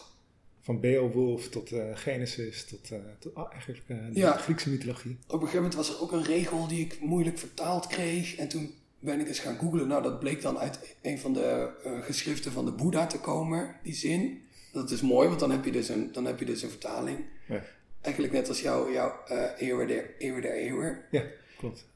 Dan moet, je ook, dan moet je ook die vertaling kiezen, ook al is die misschien een beetje raar. Ja. Want, want daarmee geef je juist aan waar je het vandaan hebt. En de Hindoestaanse Veda's zitten erin. En het, het, is, het komt uit alle, uit alle hoeken en gaten. En die, die kraai die, die stuitert als een stuiterbal door de porseleinkast van de, van de mythologie eigenlijk. Wanneer merkte je dat op? Want je zult het niet altijd zien. Je moet ook op je intuïtie afgaan. Is dat dan vaak als het, als het niet lukte om iets goed te vertalen, dat je dacht, volgens mij mis ik hier iets? Ja, of als ik, het, als ik een regel niet meteen begreep. Ik denk dat het ook wel uh, inderdaad wat je zegt gevoelsmatig is. Je voelt dat een regel niet uit dezelfde hand komt op de een of andere manier. Die, die regel die, die past misschien binnen het gedicht, die, die volgt de, de logische of de, de poëtische lijn van het gedicht. En toch denk je, maar is hier, hier is iets. er zit iets. Ja. En ik denk dat dat dan komt, je hebt ook van die computerprogramma's die aan de hand van het gebruik van bijwoorden kunnen zien wie een tekst geschreven ja. heeft. Want dat schijnt dat, daar, dat elke schrijver daar een soort vingerafdruk in legt. Nou, ik wil niet pretenderen dat ik de vaardigheden van dat algoritme bezit. Maar ik denk wel dat je dat soort dingen ook aanvoelt. Zeker als je, wanneer je een bundel vertaalt, moet dat heel erg diep in de taal van een bepaalde schrijver kruipt. Ja. Dan proef je meteen, als daar iets anders doorheen gemengd zit, dan proef je meteen hier, hier zit iets anders doorheen. Ja, ja nee, dat, dat, dat snap ik heel goed. Ja. En ongetwijfeld heb ik er misschien ook wel een paar gemist. Ik hoop het niet. En ik heb ook mijn best gedaan om dat te voorkomen, maar... Ja, dat viel dan in elk geval niet meteen op. Nee, nou, gelukkig. Kan ik je vertellen, ja. Ja, hoewel ik ook niet alles heb herkend als, als uitingen van de Boeddha of zo. Dat, dat, heb ik niet meteen allemaal gezien. Nee, nou ja, hier zit bijvoorbeeld ook uh, openbaringen in. Met die, met die uh, too slow with eyes, wincing, frightened when she looks into wheels. Je hebt in, uh, in de openbaringen van Johannes zitten van die hele grote wielen met ogen erop. Die ronddraaien en dan hoe het precies zit, uh, weet ik niet. Maar dat, dat heeft dan allemaal weer met de apocalyps te maken. Daar appelleert hij hier natuurlijk ook aan. Je hebt die wheels, je hebt die eyes, die staan vlak uh, bij elkaar. Allemaal dat soort dingen, die, die zitten er dan. Die, het is me ook niet helemaal duidelijk wat die dan. Dit gedicht is natuurlijk sowieso een gedicht dat veel meer een aantal gevoelens bij elkaar brengt dan een soort logische verhaallijn. Het is een soort opsomming van, van gevoelens. Ja, ook van extreme dus. De ja. apocalypse en de schepping. Ja, dat is waar. En dat is misschien ook waarom ik dit gedicht heb uitgekozen, omdat ik het ook niet helemaal begrijp. Uh, dat, dat vind ik mooi. Ik heb, er, ik heb allerlei gevoelens bij dit gedicht, maar als ik jou van elke regel zou moeten zeggen van dit is de functie van deze regel in dit gedicht en dit is wat Hughes ermee bedoelt, dat kan ik niet. Zou hij dat zelf dan wel weten of is dit ook een teken van zijn eigen onmacht? Om het helemaal te snappen. Als ik naar mijn eigen poëzie kijk, dan zijn er ook wel gedichten die ik geschreven heb, waarvan ik ook niet elke regel begrijp. Ik denk dat dat heel mooi is als je dat overkomt. Het is geen, geen vrijbrief om, om maar gewoon waarlijke nonsens op te schrijven. Maar ik denk dat soms, als je een gedicht schrijft, dat je dan dat je dat uit iets anders dan uit je rationele brein haalt. Meer uit je, uit je, uit je onderbewustzijn of zo. En dat dat dan dat je dan ook moeilijk rationeel kan, kan verklaren wat je daar nou mee bedoeld hebt. Terwijl het wel uit jouw eigen brein komt. En het wel klopt in de rest van het gedicht. Ja, en of dat voor dit gedicht geldt, dat weet ik niet. En dat kunnen we Ted Hughes ook uh, niet meer vragen. Maar als er een gedicht is waarbij hij dat misschien gehad heeft, dan kan ik me voorstellen dat dit zo'n soort gedicht is. Die, die hele bundel, hè, die, met, dat, met die schepping en die vernietiging en die magie. Het heeft ook iets eenzaams, kwam het op me over. Scheppen doe je natuurlijk in je eentje. Het is niet een soort groepsproces waar je het over heeft. het, is niet, het, is, het is één God die alles schept, of er is één kraai die dingen doet. Het heeft ook iets eenzaams, klopt dat? Ja, zeker. Er zit heel veel eenzaamheid in. Er, is ook een gedicht dat heet Speelkameraden van Kraai, waarin Kraai een aantal goden schept. Heel bescheiden premisse voor een gedicht. Uh, Kraai schept een aantal goden als speelkameraadjes. Uh, hij wil graag een beetje gezelschap hebben en dan een beetje, moet een beetje leuk gezelschap zijn. Dus dan bedenkt hij de god van de wind en de god van het water en weet ik wat allemaal. En één voor één hebben die goden zoiets van, ja, maar ik, ik, ik heb hier maar geen zin in. En die onttrekken zich eraan. En, en die nemen ook hun domein mee. De god van het water die zegt, ja, zoek jij het lekker uit, uh, kraai. En ik neem ook even alle rivieren en alle zeeën neem ik mee. En, en één voor één verlaten die goden hem en dan blijft, blijft kraai volslagen alleen achter. En er ja. zitten heel veel van die hij heeft ruzie hij met de, zon, hij heeft ruzie met de zee. Uh, niemand, niemand moet hem hebben eigenlijk. Terwijl hij toch de schepper is. Ja. Tenminste, niet alleen hij, maar toch ook in die poëzie is hij vaak ook de schepper. Die verlaten wordt. Ja, en van die speelkameraden zou je zelfs kunnen zeggen dat hij een soort vader is. En die keren zich gewoon ijskoud van hem af. Dus uh, nee, Kraai is een heel eenzaam personage. En dan, nou ja, je moet natuurlijk ook altijd een beetje voorzichtig zijn met dat allemaal meteen biografisch maken. Ja. Maar je komt er niet omheen bij hem, hè? Nee, en ook niet bij deze bundel vanwege de juiste timing. En het is een soort, net als uh, de, dat de avonden over de Tweede Wereldoorlog gaat, juist omdat de Tweede Wereldoorlog er niet in voorkomt, gaat deze bundel natuurlijk over. Dus je twee keer achter elkaar meemaakt dat je partner zich van het leven berooft. En twee keer achterblijft en, daar, en dan de, daar, daarmee, daarmee verder moet leven hij zal zich ook heus wel de vraag gesteld hebben van wat heb ik hier nou aan bijgedragen. Ja. Juist doordat deze bundel daar niet over gaat, maar over een of andere kraai die allemaal rare dingen doet, juist daarom gaat hij er wel over. Het is natuurlijk ook echt zo'n zo'n literatuurwetenschapper gelul, hè? dat je zegt van het gaat er niet over en daarom heb ik, gaat het er wel over. ik zeg dat dit een thema is in die bundel, dat is nergens uit op te maken, dus heb ik gelijk. Het is echt heel erg dat, dat literatuurwetenschappers ik zelf in Kluis denken dat ze daarmee weg kunnen komen.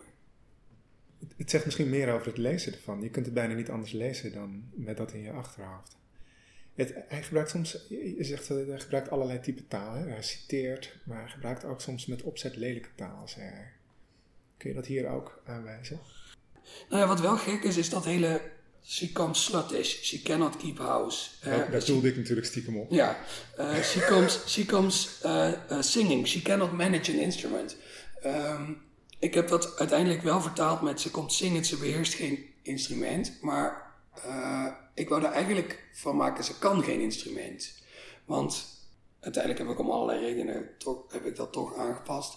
Maar omdat voor mijn gevoel, she cannot manage an instrument is niet hoe je zegt ze, ze weet hoe je een instrument moet bespelen. Maar er zit iets, er zit iets gemankeerds aan. Die, die zin, die beheerst ook de taal niet helemaal goed. Ze kan het niet aan eigenlijk. Ja, maar, ja, maar ook er zit zoveel gebrek in die zij, dat zelfs de manier waarop over haar gepraat wordt gebrekig is. Maar ook schamper.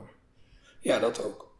Ja, het, is, het is... Daar is het wel, uh, is het, is het wel uh, hard op het... Uh, op het terugslaan af. Hè? Dat, je, dat je denkt, nou uh, Ted, ik weet niet wie jij hier uh, een slet noemt, maar misschien moet je eens in je eigen hart kijken. Ja, dat is, dat is, zeker, dat is zeker waar. Ja, het is inderdaad, het is sluttish, afraid, frightened, she cannot count, she comes dumb, she cannot manage words. En ik ben een dichter en ik kan dat wel. Ja, precies. Ja, nee, er zit iets... Dit, ja, waar we het ook al, al, eerder over hadden, dat het is, het is iemand prijzen en beledigen tegelijk. Hm. En want er staat van, ze kan dit niet en ze kan dat niet, maar tegelijkertijd is het ook, is het ook in een gedicht. Wat, wat op zichzelf al een soort van verheffing is. Ook een hekeldicht. Maar dat jij een hekeldicht schrijft over iemand, dan, dan zeg je ook: deze persoon is het waard om in een gedicht af te fakkelen.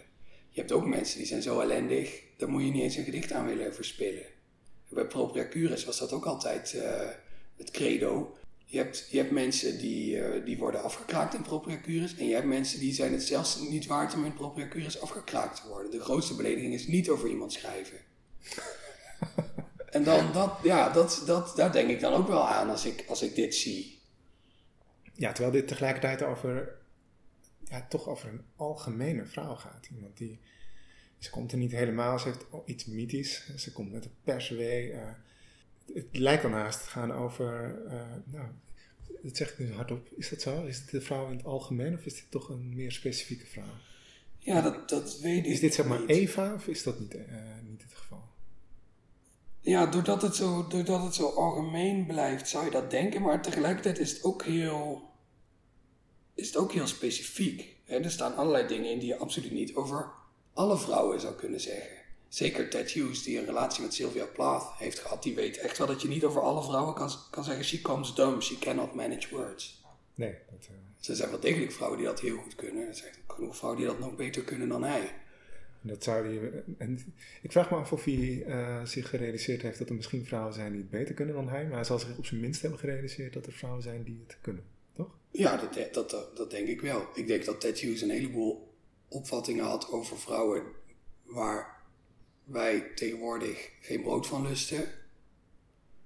Ja, hij is niet heel, ik bedoel, je kan wel zeggen van oh, het is voor hem ook heel zielig dat hij twee keer een partner verloren heeft. Maar het, hij, hij is ook niet uh, een onschuldig communicantje in dit verhaal.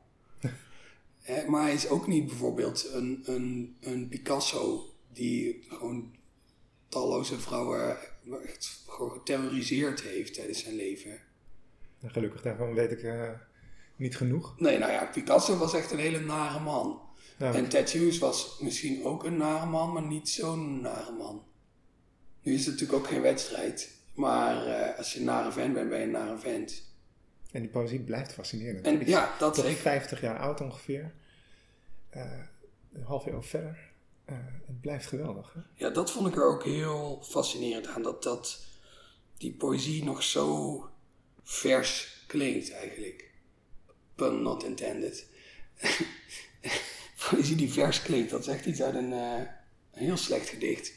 Maar ja, ook, er zit zelfs een soort in sommige van die gedichten waarin hij zo'n apocalyptische wereld beschrijft waar niks is, alleen maar dode bomen en vuilnis. Dan denk ik ook aan, aan klimaatverandering en aan zo'n zo'n post-apocalyptisch landschap.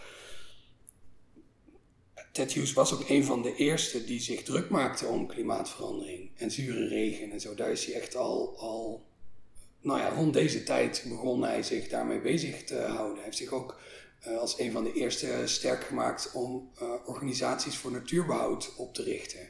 Oh ja? En uh, ja, hij was echt een, een, een, ehm, een actief aanjager van de milieubeweging in Engeland in de jaren 70 en 80, wat al, dat is wel vroeg. Dus, dus dat was wel echt een thema voor hem. Maar hij wist natuurlijk niet, nou, aan de andere kant, weet, in wetenschappelijke kringen was het natuurlijk al heel lang bekend op welk scenario we af aan het stevenen waren. Dus misschien wist hij het ook wel. Maar er ligt een soort element in deze bundel dat mij heel erg doet denken aan de, aan de, de apocalyptische visioenen die ons nu voorgehouden worden over hoe de wereld eruit ziet als we niet iets aan het klimaat gaan doen. En dat is, dat is bizar dat dat in een bundel van 50 jaar oud ligt. Of in ieder geval dat hij het op zo'n manier op heeft kunnen schrijven dat ik er met mijn moderne ogen dat in lees. En dat hij daar de ruimte voor geschapen heeft hij zal misschien niet hebben gedacht, oh, uh, wat, ik, wat ik hier nu opschrijf, dat zit in 2020 ook in een uh, Wereld Natuurfonds reclame. Maar hij heeft wel de ruimte geschapen waarin je dat erop kan plakken. Wat, toen je ging vertalen, wat, wat moest je beheersen? Wat, wat, het, het, is vast niet makkelijk geweest, maar wat was, de, wat was de moeilijkheid? Ik denk dat ik erachter ben gekomen dat, ik, dat mijn Engels minder goed is dan ik dacht. Ik denk dat mijn Engels wel vrij goed is. Maar op het moment dat je gaat vertalen, dan, zeker poëzie gaat vertalen, dan daal je echt af in de haarvaatjes van zo'n taal. En daar moet je wel zo verdomd goed de weg weten. En, en ik, had, ik had het geluk dat ik met Willem Groenewegen een tweede lezer had die echt op zijn duimpje de weg weet in al die haarvaatjes van de taal. En die dan soms ook zei ja, ik heb hier nog een suggestie, want dat is uh, Yorkshire's dialect en dat is waar Ted Hughes vandaan komt. En, en... Voor Willem Groenewegen vertaler, hè? Groot, ja. Uh, heel veel vertaald. Uh, ja, heeft ook heel veel vanuit het Nederlands naar het Engels vertaald. en was bijvoorbeeld de vaste vertaler van Kopland. Ja, toen, Ik, toen ik dit ging vertalen, het, een van de eerste mensen die ik gemaild heb was Willem. Want ik dacht, ik wil, ik, ik wil Willem als tweede lezer hebben. En dat wilde Willem gelukkig ook. En toen dacht ik, ik wil Piet Gerbrandi als derde lezer hebben. Want met allemaal die mythologieën die erin rondgestrooid worden. En volgens mij kan je best iets gaan vertalen, wetende dat je, niet, dat je kennis niet perfect is. Mhm. En dan op zoek gaan naar mensen die dat aanvullen. Dus mijn Engels is, is goed. Ik denk ook goed genoeg om dit te vertalen, maar niet goed genoeg om geen fouten te maken. En ik denk als Willem en ik het allebei niet gezien hebben, dan is de dan is de kans klein dat het echt een hele grote bok is die er geschoten wordt. en hetzelfde geldt voor de mythologie. Mijn kennis van de, van de, Griekse mythe is, is absoluut niet heel erg fenomenaal. Die van Piet wel. Dus ik denk dat ik, dat ik voor, voor een gemiddelde Nederlandse lezer van in de dertig best wel veel mythologische verwijzingen wel op kan pikken. Maar niet zoveel als Piet. Nou, als Piet en ik het allebei niet gezien hebben, dan is het misschien ook wel zo obscuur. Je moet er altijd naar streven om alles op te pikken. Dat is de inhoud. Hè? Bij Shakespeare had ik natuurlijk uh, in die zin makkelijker. Dat er gewoon een grote stapel met boeken over de sonnetten is. En alles wat verwijst naar een spreekwoord uit die tijd. Nou, staat een voetnoot bij. Dat is natuurlijk anders bij Ted Hughes. Ja, en ook bij Klein, want die is dus tot mijn verbazing best wel weinig uh, uh, bestudeerd. De, er is, ja, er zijn een paar studies en dan gaat er een hoofdstukje over kraaien of er gaan een paar linia's over kraaien, maar er is bijvoorbeeld nooit echt één groot boek over die bundel verschenen. Terwijl bij de sonnetten van Shakespeare zijn er natuurlijk tig studies die zich oh, alleen met die sonnetten bezighouden. En misschien ook wel hele boeken over één sonnet, kan ik me zo voorstellen. Nou, en ook wel artikelen over één sonnet, ja, die, die dan behoorlijk uh, diep graven. Ja, maar goed, terug naar de rijden. Dus eh, dat, is, dat is de inhoud. Hè? Dus je hebt gezorgd dat je, dat je in elk geval wist wat er stond. Maar dan moet je de stijl nog hebben. Dan moet je nog uh, zorgen dat het poëzie is. Wat gebeurde daar? Wat, wat heb je ontdekt over Hughes als dichter? Ik heb heel snel losgelaten dat je alle lettergrepen moet tellen. Want um, ik, ik vind zelf ik ben wel een vertaler van het soort dat je, je moet zo dicht mogelijk bij het gedicht blijven. En zo min mogelijk concessies doen aan de vorm en aan de inhoud. En als er, zoiets, als er iets staat en wat komt je net niet helemaal uit. Of als je iets, iets bedenkt dat er net naast ligt, maar wel wat mooier klinkt. Dan zou ik zeggen, nou kies dan toch voor de meest precieze uh, vertaling. Daar, daar ben ik iets minder streng in geworden. Omdat, omdat Hughes er volgens mij in het maken van deze gedichten ook niet zo streng in is geweest. En hoeveel lettergrepen er in een regel zitten, dat vindt hij niet altijd even belangrijk. Nee, als de flow maar uh, ja. Werkt, En wat hij wel heel belangrijk vindt, en daar ben ik dus ook uh, strenger op geworden in opzicht, ten opzichte van de eerste versies, is dat er heel strategisch zitten er herhalingen in. Uh, als Ted Hughes twee keer in een zin vlak achter elkaar hetzelfde woord gebruikt, dan is dat niet een tekortkoming van dat gedicht, dan is dat een keuze. En ik heb ook echt wel een gegeven moment een vertaling in een tijdschrift gepubliceerd waar die redacteur er per se zo'n herhaling uit wilde hebben. En ik wilde dat per se niet, want Ted Hughes is geen koekenbakker. Als hij daar twee keer vlak achter elkaar uh, hetzelfde woord gebruikt en dat staat een beetje lelijk, dan was dat de bedoeling. Ja, het normaliseren van gedichten in vertalingen, dat is een plaag, hè? Ja, dat vind ik, dat vind ik oneigenlijk om dat te doen. Uh, en dat getuigt ook van een bekrompen geest, vind ik. Dan, oh, ik, ik, volgens mijn standaard hoort het anders, dus dan zal het wel niet kloppen. Dan ga ik het wel even verbeteren. Ja, waar haal je de arrogantie hier vandaan? Ja, of soms als het lelijk klinkt, moet het ook in vertaling lelijk klinken. Of als, het, als het wringt in het Engels, dan moet het ook wringen in je vertaling. Het, mooie is dat daardoor het ritme van die hele bundel uh, werkt. Hè? Dat, je, dat je er niet zomaar doorheen kant en geen klit tegenkomt, maar dat, dat je juist uh, af en toe stroeve passages of, of juist uh, schokkende passages of hele snelle passages tegenkomt. En ook in jouw vertalingen. Ja, dat, ik heb mijn best gedaan inderdaad om dat uh, te behouden. Er zit ook één gedicht in wat ik zelf echt een draak van een gedicht uh, vind. Dat is uh, Lied voor een Fallus. En dat is, dat is dus wel heel strak metrisch. Dus daar heb ik dan vervolgens ook echt mijn best gedaan om dat wel te behouden. Ehm, en dat is heel grof. Het is een heel raar gedicht. Ik vind het zelf echt een vreselijke tekst. Maar ja, het is niet aan mij om die er, eruit te laten dan, omdat ik het niet mooi vind. Ik heb dat wel gewoon netjes vertaald en ik heb daar mijn best op gedaan. Um, ben, je, is... ben je er niet een beetje van gaan houden? Nee, eigenlijk niet. Nee, eigenlijk minder. Oké. Want, uh, want daar, zit ook, daar zit ook een soort misogyne ondertoon in die me helemaal niet bevalt. En uh, um, ja, nee, ik vind het geen geslaagd gedicht. Er zit ook te veel herhaling in. Het is een beetje zo'n. Het is uh, heel kinderlijk, met flauw rijm. Dus dat heb ik ook flauw rijmend vertaald. Maar uh, nee, ik vind dat het minst interessante gedicht uit de, uit de hele bundel. Um, maar, maar dat heb ik er dus ook ingelaten. Het is ook een lelijke vertaling. Want het is ook een lelijk gedicht. En dan, ja, dat is dan niet aan mij om daar, om daar iets in te gaan oppoetsen. Nou, één ding ging je wel te ver, door het Negro. Toen heb je gedacht, van, nou hier, um, hier trek ik toch even een streep, dit ga ik me niet vertalen. Ja. Um, het woord althans, je hebt dat gedicht vertaald. Ja, ik vond dat een hele moeilijke kwestie, dus vind ik ook nog steeds wel. Het woord Negro vind ik echt nog wel tot daaraan toe. In die zin, dat is lang een, een acceptabele term geweest, die ook door de zwarte gemeenschap zelf uh, gebruikt werd en aanbevolen werd, totdat dat in, uh, ik geloof ergens aan het eind van de jaren 60 vervangen werd door uh, eerst Afro-American en daarna African-American. En dat is nu nog steeds de, om met de Big Lebowski te spreken, de preferred nomenclature.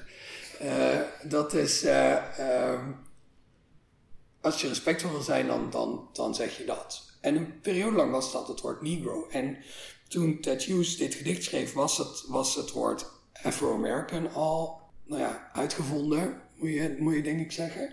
Dus dat heeft hij niet gebruikt. Maar het, het, probleem zit er voor mij vooral in de context. Hij zegt: uh, Crow was as much blacker than any Negro, than a Negro's eye pupil. Wat ik daarna aan vind, is dat je iemand in feite reduceert tot ja, bijna zoals je, zoals, zoals, ja, gewoon tot een kleur eigenlijk. Je reduceert een mens tot één eigenschap. En die ga je dan vervolgens de inzet van een metafoor maken. en met een, met een kraai of met een merel mag je dat van mij doen. Of met een braam of met steenkool, maar niet met een mens. En dat doet tattoos wel. En dan het bijkomende probleem is dat je dan het woord negro, daar is geen equivalent voor in de Nederlandse taal, dat ten eerste dezelfde ontwikkeling heeft doorgemaakt als het woord Negro. En ten tweede acceptabel is om op te schrijven. Dus dat heb ik niet vertaald. Ik heb dat gecursiveerd. Ik heb er ook heel lang over, nagedacht. Over lopen dubben, uh, artikelen gelezen over de ontwikkeling van dat woord. Uh, met andere mensen gespart over hoe zij hierover denken. En, en uiteindelijk, het, dat kan je nou echt niet vertalen. Dat is ook wel prachtig aan vertalen. Hè? Aan vertalen is dit soort dit is mooi aan vertalen. Dat je zo secuur moet omgaan met één woord. Dit is dan toevallig een heel explosief woord. Maar eigenlijk, wat, wat je nu allemaal vertelt, doe je met veel meer woorden, maar dan in stilte. Want ja, je moet toch op de een of andere manier keuzes maken. Uh, Zo'n zoom van stem. De, de, de fringe of voice. Fringe is natuurlijk ook van alles. Onder andere een zoom. Het is best lastig om dan te zoeken naar precies de vertaling. Ja, het French heeft ook iets gerafelds en Zoom heeft dat niet per se. Het kan wel. Uh, ik had volgens mij ook in de eerste vers ik rafelrand van stem. Er zit ook mooie assonantie in. Maar French hoeft niet rafelrand te betekenen. En een zoom hoeft niet recht afgesneden te zijn. Dus zoom is wel beter. Maar inderdaad, dit soort nuances, daar moet je aan afdalen. De gemiddelde mens zal misschien zeggen, waar maak je je in godsnaam druk om? maar het is wel essentieel dat je je daar wel druk om maakt. Ja. Dat je de, de klein, dat je denkt, ja, is het nou net dit? Is 49% dat, is 51% dat. Nou, dan ga ik dat woord. Dan heb je natuurlijk altijd het brilsmurf die dan zegt: Ik zou het helemaal niet als zoom vertalen. Ja, natuurlijk. Die heb je altijd. Die gaan ongetwijfeld nog komen. Uh, en dat is ook onvermijdelijk en dat is ook goed. En misschien, ik hou daar ook rekening mee dat er een keer iemand komt met een suggestie en argumenten daarbij. En dat ik dan zeg: Ja, je hebt gewoon gelijk. Dat, is, dat is een, betere, een betere optie dan wat ik gekozen heb. Dat kan. Zou je hem uh, nog een keer willen voorlezen? Zeker. Tegenmelodie van Kraai. Ze komt er niet helemaal. Ze komt zo ver als het water, niet verder. Ze komt met de perswee over wimpers, over tepels, de vingertoppen. Ze komt zo ver als bloed en tot de haarpunten. Ze komt tot de zoom van stem. Ze blijft. Zelfs na het leven, zelfs tussen beenderen. Ze komt zingend. Ze beheerst geen instrument. Ze komt onvoorbereid, bang voor kleren en te langzaam met ogen angstig verkrampend wanneer ze in raderen kijkt. Ze komt sletterig, kan niet huishouden, ze kan alleen schoonhouden, ze kan niet tellen, ze kan niet duren, ze komt stom, ze beheerst geen woorden. Ze brengt bloemblaadjes in hun nectarvruchten, in hun plusje, ze brengt een verenmantel, een regenboog dieren, ze brengt haar lievelingspelzen en dit is haar praten. Ze is verliefd gekomen. Dat is alles waar ze voor kwam. Als er geen hoop zou zijn, was ze niet gekomen. En dan was er ook geen huilen in de stad. Dan was er geen stad. Dankjewel. Ja, het is wel genoeg om je te horen voorlezen, moet ik zeggen. Dat zeg ik er nog maar even bij. Dankjewel. Ja, het is, ik bedoel, je maakt natuurlijk altijd een poëziepodcast en laat uh, andere mensen steeds hun gedichten voorlezen. Je kan dat wel heel goed, hè? het is bijna verlegen stemmend dat je, dat je anderen dan vraagt: wil je even in mijn bijzijn een gedicht voorlezen?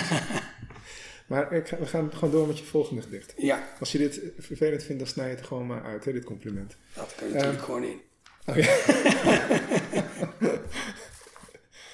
nou goed, het moest toch van het hart. Maar je, had, uh, ja, je neemt net als alle dichters te gast in je eigen podcast ook een gedicht van jezelf mee. Ja. Welk gedicht heb je meegenomen? Het is het gedicht, en dan moet ik altijd, ik struikel altijd over mijn eigen titel. Uh, Ontmoeting boven Snizhne is geloof ik hoe je het uitspreekt. En uh, is een heel klein plaatsje in Oost-Oekraïne en de naam betekent sneeuw. Ik denk dat dat voor nu alles is wat ik erover vertel. Dan ga ik het eerst even laten horen. Ontmoeting boven Snizhne. Opeens was ik in een zomernacht. Europa lag aan elke kant te slapen. Je zat in je stoel en gaapte. Ik zwaaide, zweefde naast je. Het leek een veld waarover we vlogen, te hoog om te zien dat het zonnebloemen waren en ik wilde nog iets vragen, maar je sliep. En naast je sliep je lief, terwijl vlakbij plots een shrapnelkop ontbrandde. Maar het was geen nacht toen. En je viel wel, maar je landde. Dankjewel. Je leest het helemaal niet voor, hè? Je kunt het uit je hoofd. Ja, deze ken ik uit mijn, hoofd, inderdaad. Ja. ja. ja. Toch maar even de aanleiding aanstippen. Ja. Want het heeft natuurlijk met de MH17 te maken. Ja, dat klopt. Um, een vriend van mij zat daarin, in dat, uh, in dat vliegtuig. En uh, dat is waar dit gedicht over gaat. En ik heb een beetje getwijfeld of ik nou dit gedicht uit moest kiezen, want ik vind het altijd een beetje. In gesprekken, als het over MH17 gaat, dan probeer ik altijd te vermijden om te zeggen dat ik daar zo'n zo'n persoonlijke connectie mee heb, omdat je jezelf dan meteen uh, tot een soort uh, onaanraakbaar bombardeert in dat gesprek. En dat wil ik niet. Dus toen dacht ik, als ik dan nu in mijn eigen podcast dit gedicht voorgedragen, dan ik wil niet dat mensen dat als een, als een appel tot medelijden zien. Maar ik vind het ook een interessant gedicht om te bespreken. En ik ben er ook tevreden over. Dus ik heb het uiteindelijk toch maar gedaan. Toen dacht ik, dan moeten we misschien even kort die aanleiding aanstippen. En dan kunnen we het daarna over andere dingen hebben. Maar jij bent de interviewer, dus ik ga daar helemaal niet ja, over. Nee, dat... nou ja, maar ik, ik respecteer natuurlijk wel je wens om het daar niet heel diep over te hebben. Maar misschien wil je toch even zeggen wie het was? Of is dat... Vind je dat vervelend? Ik, nee, dat kan wel even. Um, ik zat, uh, ik had het daar net al heel eventjes over. Ik heb in de redactie van Propria Cures gezeten. En uh, iemand, uh, een studiegenoot van me, met wie ik niet in de redactie heb gezeten, maar die wel redacteur van Propria Cures geweest is, Laurens van der Graaf, die zat in dat vliegtuig samen met zijn vriendin. En dat was zo. Ja, snap ik. Ja, nee, uh, en dat is wel wat het gedicht ook doet. Hè? Het houdt in leven.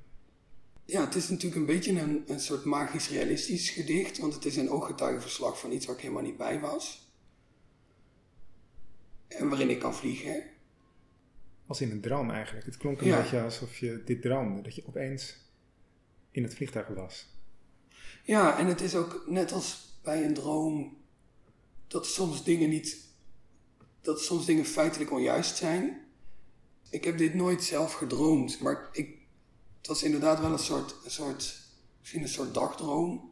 Ik had dit idee, en dat was ook meteen een gedicht, dat idee, dat ik, daar, dat ik daarnaast vlieg en dat zie eh, gebeuren. En contact probeer te maken, maar dat, maar lukt niet. En, en, en in dat beeld wat ik dan in mijn hoofd zag en wat ik in een gedicht probeerde te vatten, was het nacht. Maar dat is helemaal niet s'nachts gebeurd, het is om drie uur 's middags gebeurd. Dus het was, het was gewoon licht. Maar ik dacht, dan laat ik er gewoon in. Ja. Ik moest misschien ook ergens denken aan die openingsscène van de Duivelsverse van Salman Rushdie, waarin eh, de twee hoofdfiguren ook, dat is volgens mij wel s'nachts, uit de lucht vallen. En die zijn heel lang aan het vallen en, dan, en dat wordt heel uitgebreid eh, beschreven. Ik weet niet of ik daar dan, eh, het is niet dat ik de hele dag aan de Duivelsverse van Rushdie eh, loop te denken. Ik kwam er ook helemaal niet doorheen, ik heb het helemaal niet uitgelezen. Dat wil ik ook wel even bij zeggen. Laten we die even met rust. Ja, Maar je, je schreef ook, je, je viel wel, maar je landde. ja. Wat, ik, wat ik een heel lief zinnetje vind. Alsof je hem opvangt. Dat had ik zelf ook, maar toen ik dit gedicht voor ging dragen, toen moesten mensen er heel erg om lachen. Die vonden dat alsof. En ik snap het wel, maar ik snap het ook niet. Die, die hoorden het als een, soort, als een soort mop eigenlijk. Zo, je viel wel, maar je landde. Of ik weet niet of het aan die zin ligt, maar zo heb ik dat geïnterpreteerd dan voor mezelf. Maar de, ja, als je een gedicht voordraagt, sommige gedichten, daar wordt, daar wordt heel ernstig naar geluisterd, en in stilte. En andere gedichten, dan, daar wordt lacherig naar geluisterd. En vaak is dat goed en komt dat overeen met je bedoeling. Maar in dit geval, nou, stuitte mij dan bijna tegen de borst. Ja, maar zouden ze het komisch vinden? Of is dat... Dat idee had ik wel. gevoel had je wel. Ja, Je, hebt, je hoort vaak ook wel eh, publiek lachen als ze zich even geen raad weten met een gedicht.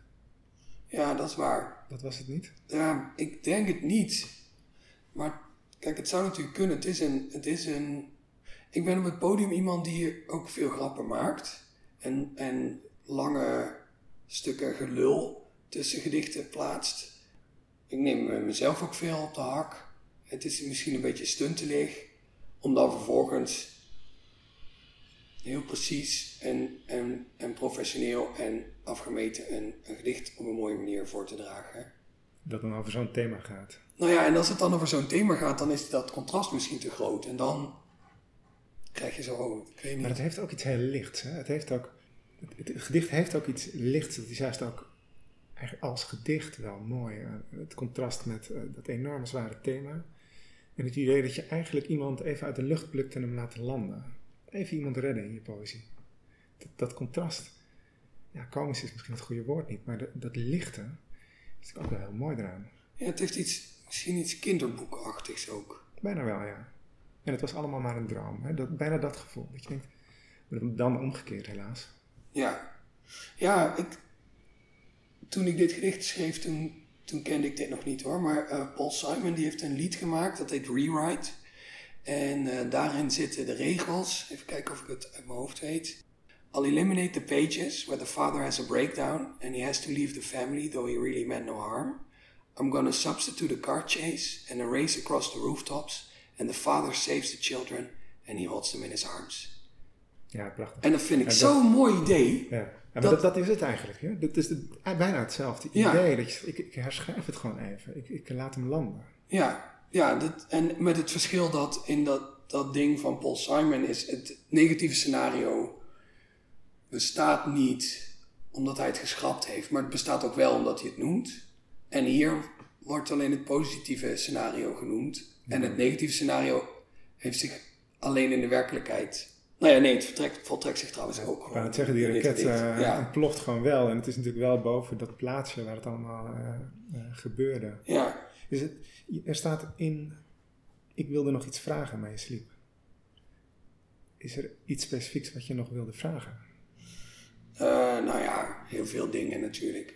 Nee, niet iets, niet iets specifieks. Het is niet wat dat ik met een, met een niet ingeloste vraag aan hem rondloop. En dat is ook niet in omringende gedichten, ik weet niet hoe je dit gedicht zou uh, publiceren en of daar nog andere gedichten bij horen? Ja, dat weet ik ook nog niet. Dat is wel een beetje de vraag. Ik, uh, ik heb al verschillende dingen uitgeprobeerd. Het is natuurlijk.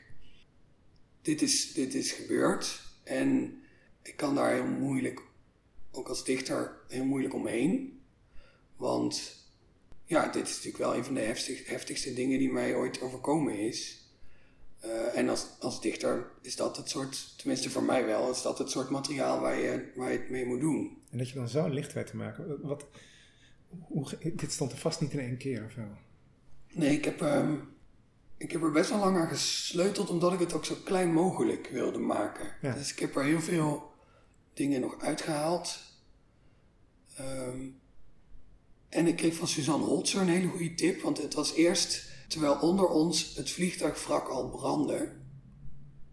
Toen was ik met haar aan het vertellen over dit gedicht en toen, in de, hoe ik erover vertelde, gebruikte ik het woord shrapnelkop. Wat eigenlijk een, een lastig woord is om uit te spreken, maar in een gedicht staat het wel, op de pagina staat het wel mooi. Mhm. Ondanks het feit dat het natuurlijk niet zo mooi is als ding. En, en, en toen zei, zij zei van ja, het woord shrapnelkop, dat zou ik zelf nooit gebruiken. Jij gebruikt dat nu wel. En dat is eigenlijk waar je als dichter naar op zoek moet. Naar de invalshoek die jij als individu te bieden hebt.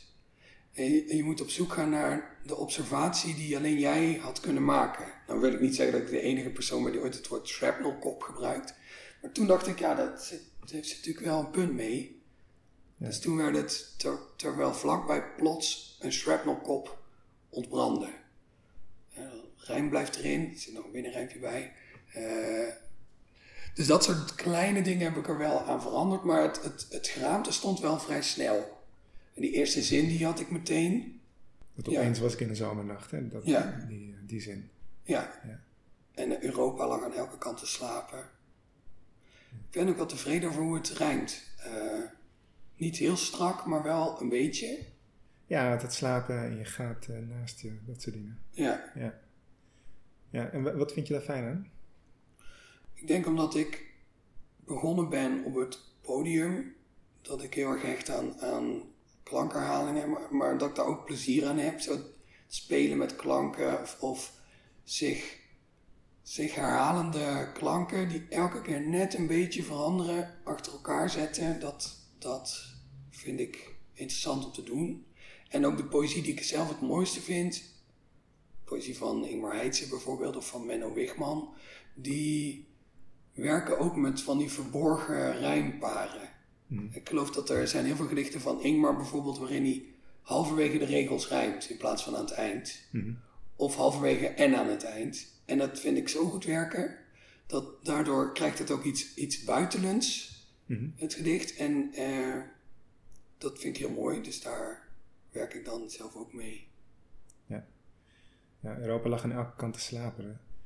Vond ik ook een mooi zinnetje. Kun je daar iets, uh, dit bijna aan een boek denken, maar het, het, slapen als niet opletten, moest ik ook aan denken. Ja, ik dacht, ik, wat ik voor me zag toen ik dat opschreef is wel dat je, je vliegt heel hoog, dus je kan heel ver kijken en het is nacht en iedereen slaapt. Maar het is natuurlijk ook wel ja, nadat, nadat dit plaatsvond, is er in Europa een heleboel uh, wakker geworden. Zeker in de streek rond Snisje. Uh, daar is het nog steeds uh, onrustig. Hmm. Dus dat zit er ook wel, ook wel in. Maar het begon met dat beeld van als je in een vliegtuig zit en het is nacht en je vliegt over allemaal die dorpjes en, en plaatsjes waar iedereen lekker in bed ligt. Dat idee, dat vind ik heel, heel vredig eigenlijk. Wanneer heb je het eigenlijk geschreven? Ik denk dat het niet heel erg lang, niet heel erg lang na het neerhalen van het vliegtuig geschreven is. Ik weet niet of het echt uit 2014 komt, maar wel ergens niet lang daarna. Maar ruim voordat je je Hughes ging vertalen. Ja, nou ja, uh, ik ben eigenlijk al. Uh, ik heb in mijn, in mijn bundel uit 2010 heb ik al een paar Ted Hughes vertalingen opgenomen. En uh, Oh ja, dat is trouwens waar, want je zei dat je zelfs op je 16 al je eerste poging deed om... Uh, ja, ik ben op de middelbare school inderdaad ben ik ermee in aanraking gekomen. En toen ben ik er altijd een beetje sluimerend mee bezig geweest. En uh, uh, nou ja, de echte bulk van de vertalingen is van de afgelopen twee jaar. Ja. Ehm, Maar dat was wel de poëzie die jou voor de poëzie won. ja, dit en Wilfred Owen, de, de war poet. Maar als eerste je, als je, als je dit gedicht neemt, eh, dat je net voordroeg, eh, zie je Hughes daarin terug? Mm, niet direct, maar het zou me niet verbazen als ik er dan met, met die vraag naar ga kijken, dat ik dan dingen zie. Dat zou wel kunnen, omdat het natuurlijk, het is de eerste poëzie waar ik mee in, in aanraking kwam. Dus dat, daar pik je altijd iets van op. Mhm. Maar, maar het is bijvoorbeeld niet, en andere gedichten zijn dat wel, een gedicht waarbij ik ook expliciet aan Ted Hughes dacht terwijl ik het schreef. Of waarbij het me al eens opgevallen is, goh, dit is, dit is eigenlijk wel Hughesiaans wat hier gebeurt. Nou, bijvoorbeeld die zonnebloemen. Te hoog om te zien dat het zonnebloemen waren. Ik moest toch een beetje aan Hughes denken en zijn voorliefde voor landschappen en voor eh, toch ook wel symbolische bloemen. Een zonnebloem. Ja, nog los van dat het niet rechtstreeks een symbool voor pakweg de liefde is zoals de roos dat kan zijn, is een zonnebloem natuurlijk wel een zeer sprekende bloem. Is het... Het komt natuurlijk omdat ik het naast elkaar leg. hè. Ik kan, ik kan niet anders dan Crow lezen en dit lezen en denken, jeetje, wat zou, eh, wat, wat zou het voor invloed hebben gehad op elkaar? Eh, Ja, toen moest ik daaraan denken. Is dat ver gezocht? Zeg ik nu iets heel idioots? Dat moet ik eigenlijk vragen in deze podcast. Ja, dat klopt, dat is, dat is traditie. Ehm, ik denk niet dat je iets heel idioots zegt, maar, maar ik denk wel dat er een veel prozaïsche reden is voor die zonnebloemen. Dat is namelijk, zo was het ook. Er, er worden daar heel veel zonnebloemen verbouwd. Maar ja, ik, Maar je ik, het er wel uit. ik pik het er wel uit natuurlijk. Ehm, en ook, ja, het was misschien meer het idee dat ik zie een, een veld vol met zonnebloemen als, iets heel, als een heel vrolijk beeld. Bijna overdreven. Nou, even dimmen met die zonnebloemen. En daar vindt dan zo- zo'n gebeurtenis in plaats. En er zijn ook van die, er was een Italiaanse fotograaf van Time Magazine, die was ter plaatse kort na eh, dat die vlucht daar naar beneden kwam. En die heeft daar allemaal foto's gemaakt. En dan zie je dus ook gewoon van die zonnebloemvelden met een, met een stuk eh vliegtuigromp erin. Dat is natuurlijk een heel ontregelend beeld. En eh, nog steeds is het ook wel zo dat op, als, op, als je op, of, of, op of rond 17 juli op een kerkhof komt, dan kan je aan de, aan de stapels zonnebloemen zien waar de MH17-slachtoffers liggen. Oh ja? Ja, dat is wel een bloem geworden die ook het, ehm, een beetje de, de bloem van, van die gebeurtenis geworden is. Ook omdat ze dus elke keer in het seizoen zijn als de eh, verjaardag van die ramp, wilde ik zeggen, maar dat vind ik ook weer zo ongepast. eh, Ik snap het, de datum. ja, als, als het weer eh, 17 juli is, dan zijn de, zijn de zonnebloemen in het, in het seizoen. Dus dan kan je het ook allemaal kopen. Het is ook een soort gekke herinnering daaraan dan. Dat je, oh, de zonnebloemen eh, zijn er weer. Oh, dan is het weer bijna zoveel jaar geleden. Ja. Maar misschien dat, dat idee dat je ook een stukje landschap in een gedicht moet stoppen, dat ik dat wel bij Ted Hughes op heb gedaan. Tom Waits is een andere grote invloed op mij. En die heeft ook wel eens gezegd over zijn liedjes: in elk lied moet iets eh, te eten zitten. en en eh, een huis, geloof ik. En eh, het weer. Of zoiets. Want die zei van, je moet een soort klimaat scheppen. Je moet dat gedicht, daar moet je een beetje in kunnen verblijven. Dus je hebt iets te eten nodig, het huis en weer. En nu zal hij waarschijnlijk dat ook niet als ijzeren stelregel hebben gehanteerd. Maar hier zit volgens mij ook geen weersbeschrijving in. ja, behalve dat er natuurlijk, ja, het plaatsje betekent sneeuw. Het was een zomernacht. Oh ja, een zomernacht. Oh, het zit wel weer in. Er zit wel een beetje toch weer in. gedaan. Ja, inderdaad. En het huis zou je als het vliegtuig kunnen, kunnen beschouwen op zijn minste locatie. Ja, maar iets te eten zit er niet in. Nee, dat helaas. eh, Oh, dat, ja. dat, heb je dan, eh, dat kun je misschien nog bijschrijven. Toch een mislukt gedicht. Nee, het is absoluut niet mislukt. Nee, het is eh, En dat mooi. gevoel heb ik dus wel altijd gehad bij dit gedicht, door dat, dat gelach. Dat ik dacht, dit, ik wil hier iets heel ernstigs eh, beschrijven. Ik heb zelf ook, ik ben niet zo iemand die dan een gedicht heeft gemaakt en dan, en dan een traantje weg moet pinken omdat het zo'n mooi gedicht is. Maar ik merkte wel dat dit gedicht mij wat deed. Eigenlijk nog steeds wel. Als ik het voordraag heb ik het gevoel dat ik er iets minder controle over heb dan wanneer ik iets anders voordraag. En uitgerekend dat gedicht wordt dan verkeerd begrepen. En dacht ik, dan moet dan iets Het kan niet in mijn voordracht zitten. Eh, zeker in het begin uh, dacht ik altijd van nou, uh, weet je, het spant erom of ik, of ik nou wel of niet met een snik in mijn stem hier voor sta te dragen. Maar dan moet er dus iets in het gedicht zitten dat niet overbrengt wat ik wil dat het overbrengt. Ja, of misschien niet op het podium. Ja, dat zou dat, kunnen. Dat, je, dat, dat de context van het podium er misschien net niet helemaal geschikt voor is. Dat het juist iets heel liefs en teers is als je het zo leest. En het misschien in het geweld van de voordracht en de grappen ervoor en daarna ondersneeuwt, zou ik haast zeggen. Ja, ja dat zou het ook kunnen. Want jij vond geen grappig gedicht. Ik vond het een licht gedicht. Maar ja, ik zag dat uh, staan. Dus ik, ik, zag wel een beetje aankomen wat er ging gebeuren. Ik zag die, uh, die, die uh, raket ont, ontbranden. Ja, ik vond het... Nou, misschien moest ik wel glimlachen aan het einde. Ja, omdat het zo lief is dat je hem laat landen. En dat je, dat, dan, dan krijg je wel uh, ja, de, het idee van wat, wat, wat fijn dat hij even gered is voor de duur van dit gedicht.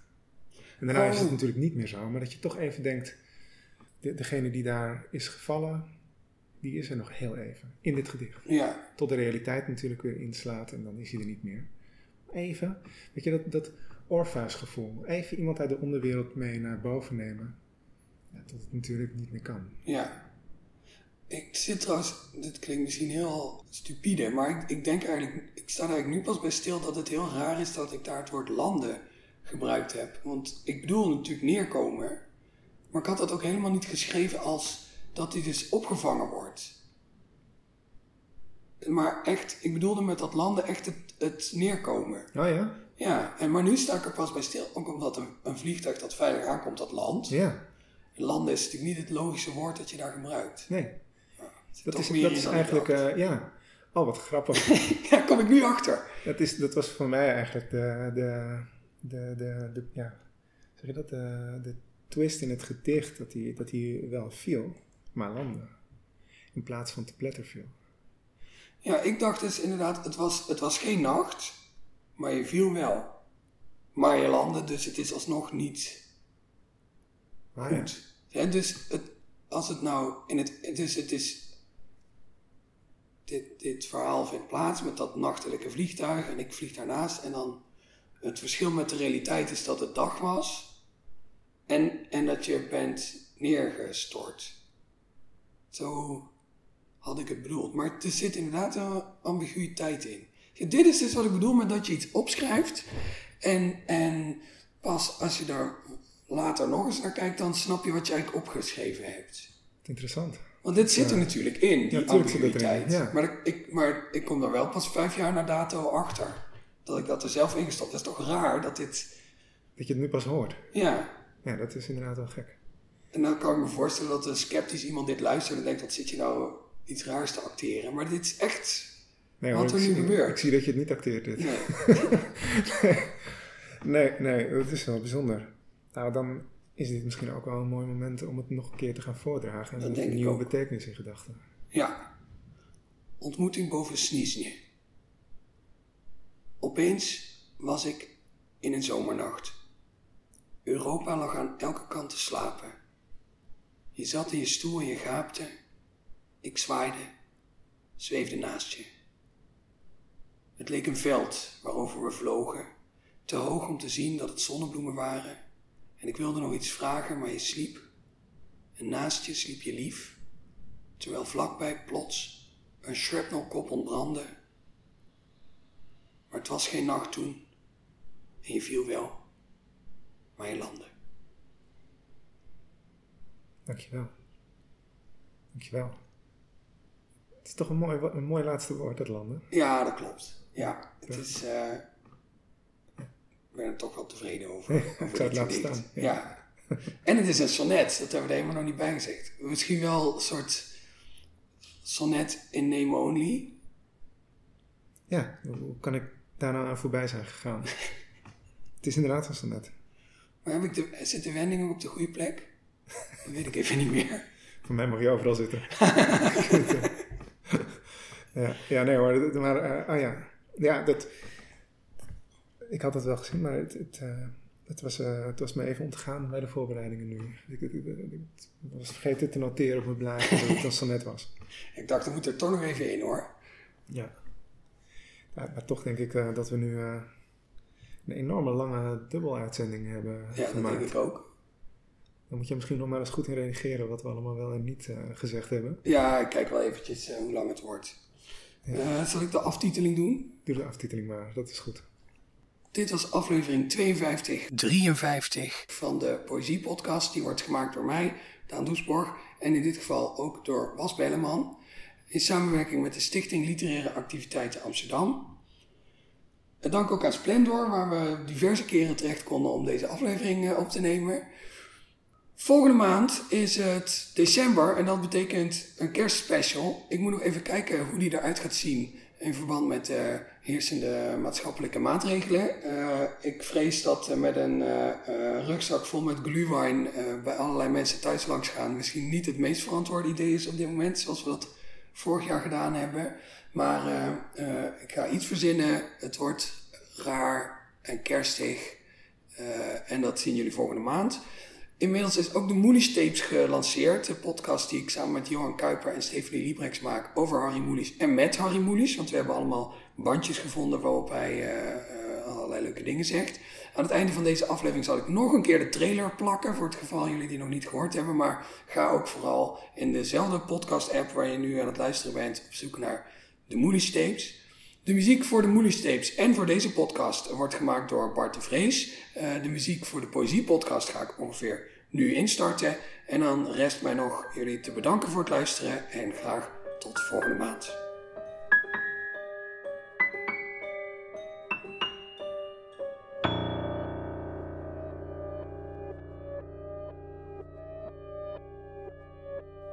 Je luisterde naar een aflevering van de Poëzie-podcast. Daan Doesborg is schrijver en presentator. In 2010 werd hij Nederlands kampioen Poetry Slam. Momenteel werkt hij aan zijn debuutroman, die zal verschijnen bij uitgeverij Van Oorschot. De Poëzie-podcast wordt mede mogelijk gemaakt door de Stichting Literaire Activiteiten Amsterdam. Bij ons draait alles om literatuur. We maken programma's voor de hele stad, online en offline. Al onze podcasts zijn ook te beluisteren via onze website www.sla.nl/slaakast. Wat ik nu doe, is dicteren. Ja, oké, maar je moet niet vergeten, die jongen is tegen zichzelf aan het praten. Uh, we zijn in de werkkamer van Harry Mulisch en we gaan luisteren naar uh, bandjes die we gevonden hebben. Goed, heel aardig. Ja, ze het af en toe een beetje bang afgegeven, maar ik heb ook een ongelooflijke kamer. het moet misschien toch door jonge mensen gemaakt worden. De Moelies Tapes, vanaf 30 oktober te beluisteren. Een podcast over en met Harry Moelisch. In, laten we zeggen, zes uitzendingen. Deze podcast wordt mede mogelijk gemaakt door Atheneum Boekhandels, uitgeverij De Bezige Bij, het Literatuurmuseum en Stichting Literaire Activiteiten Amsterdam.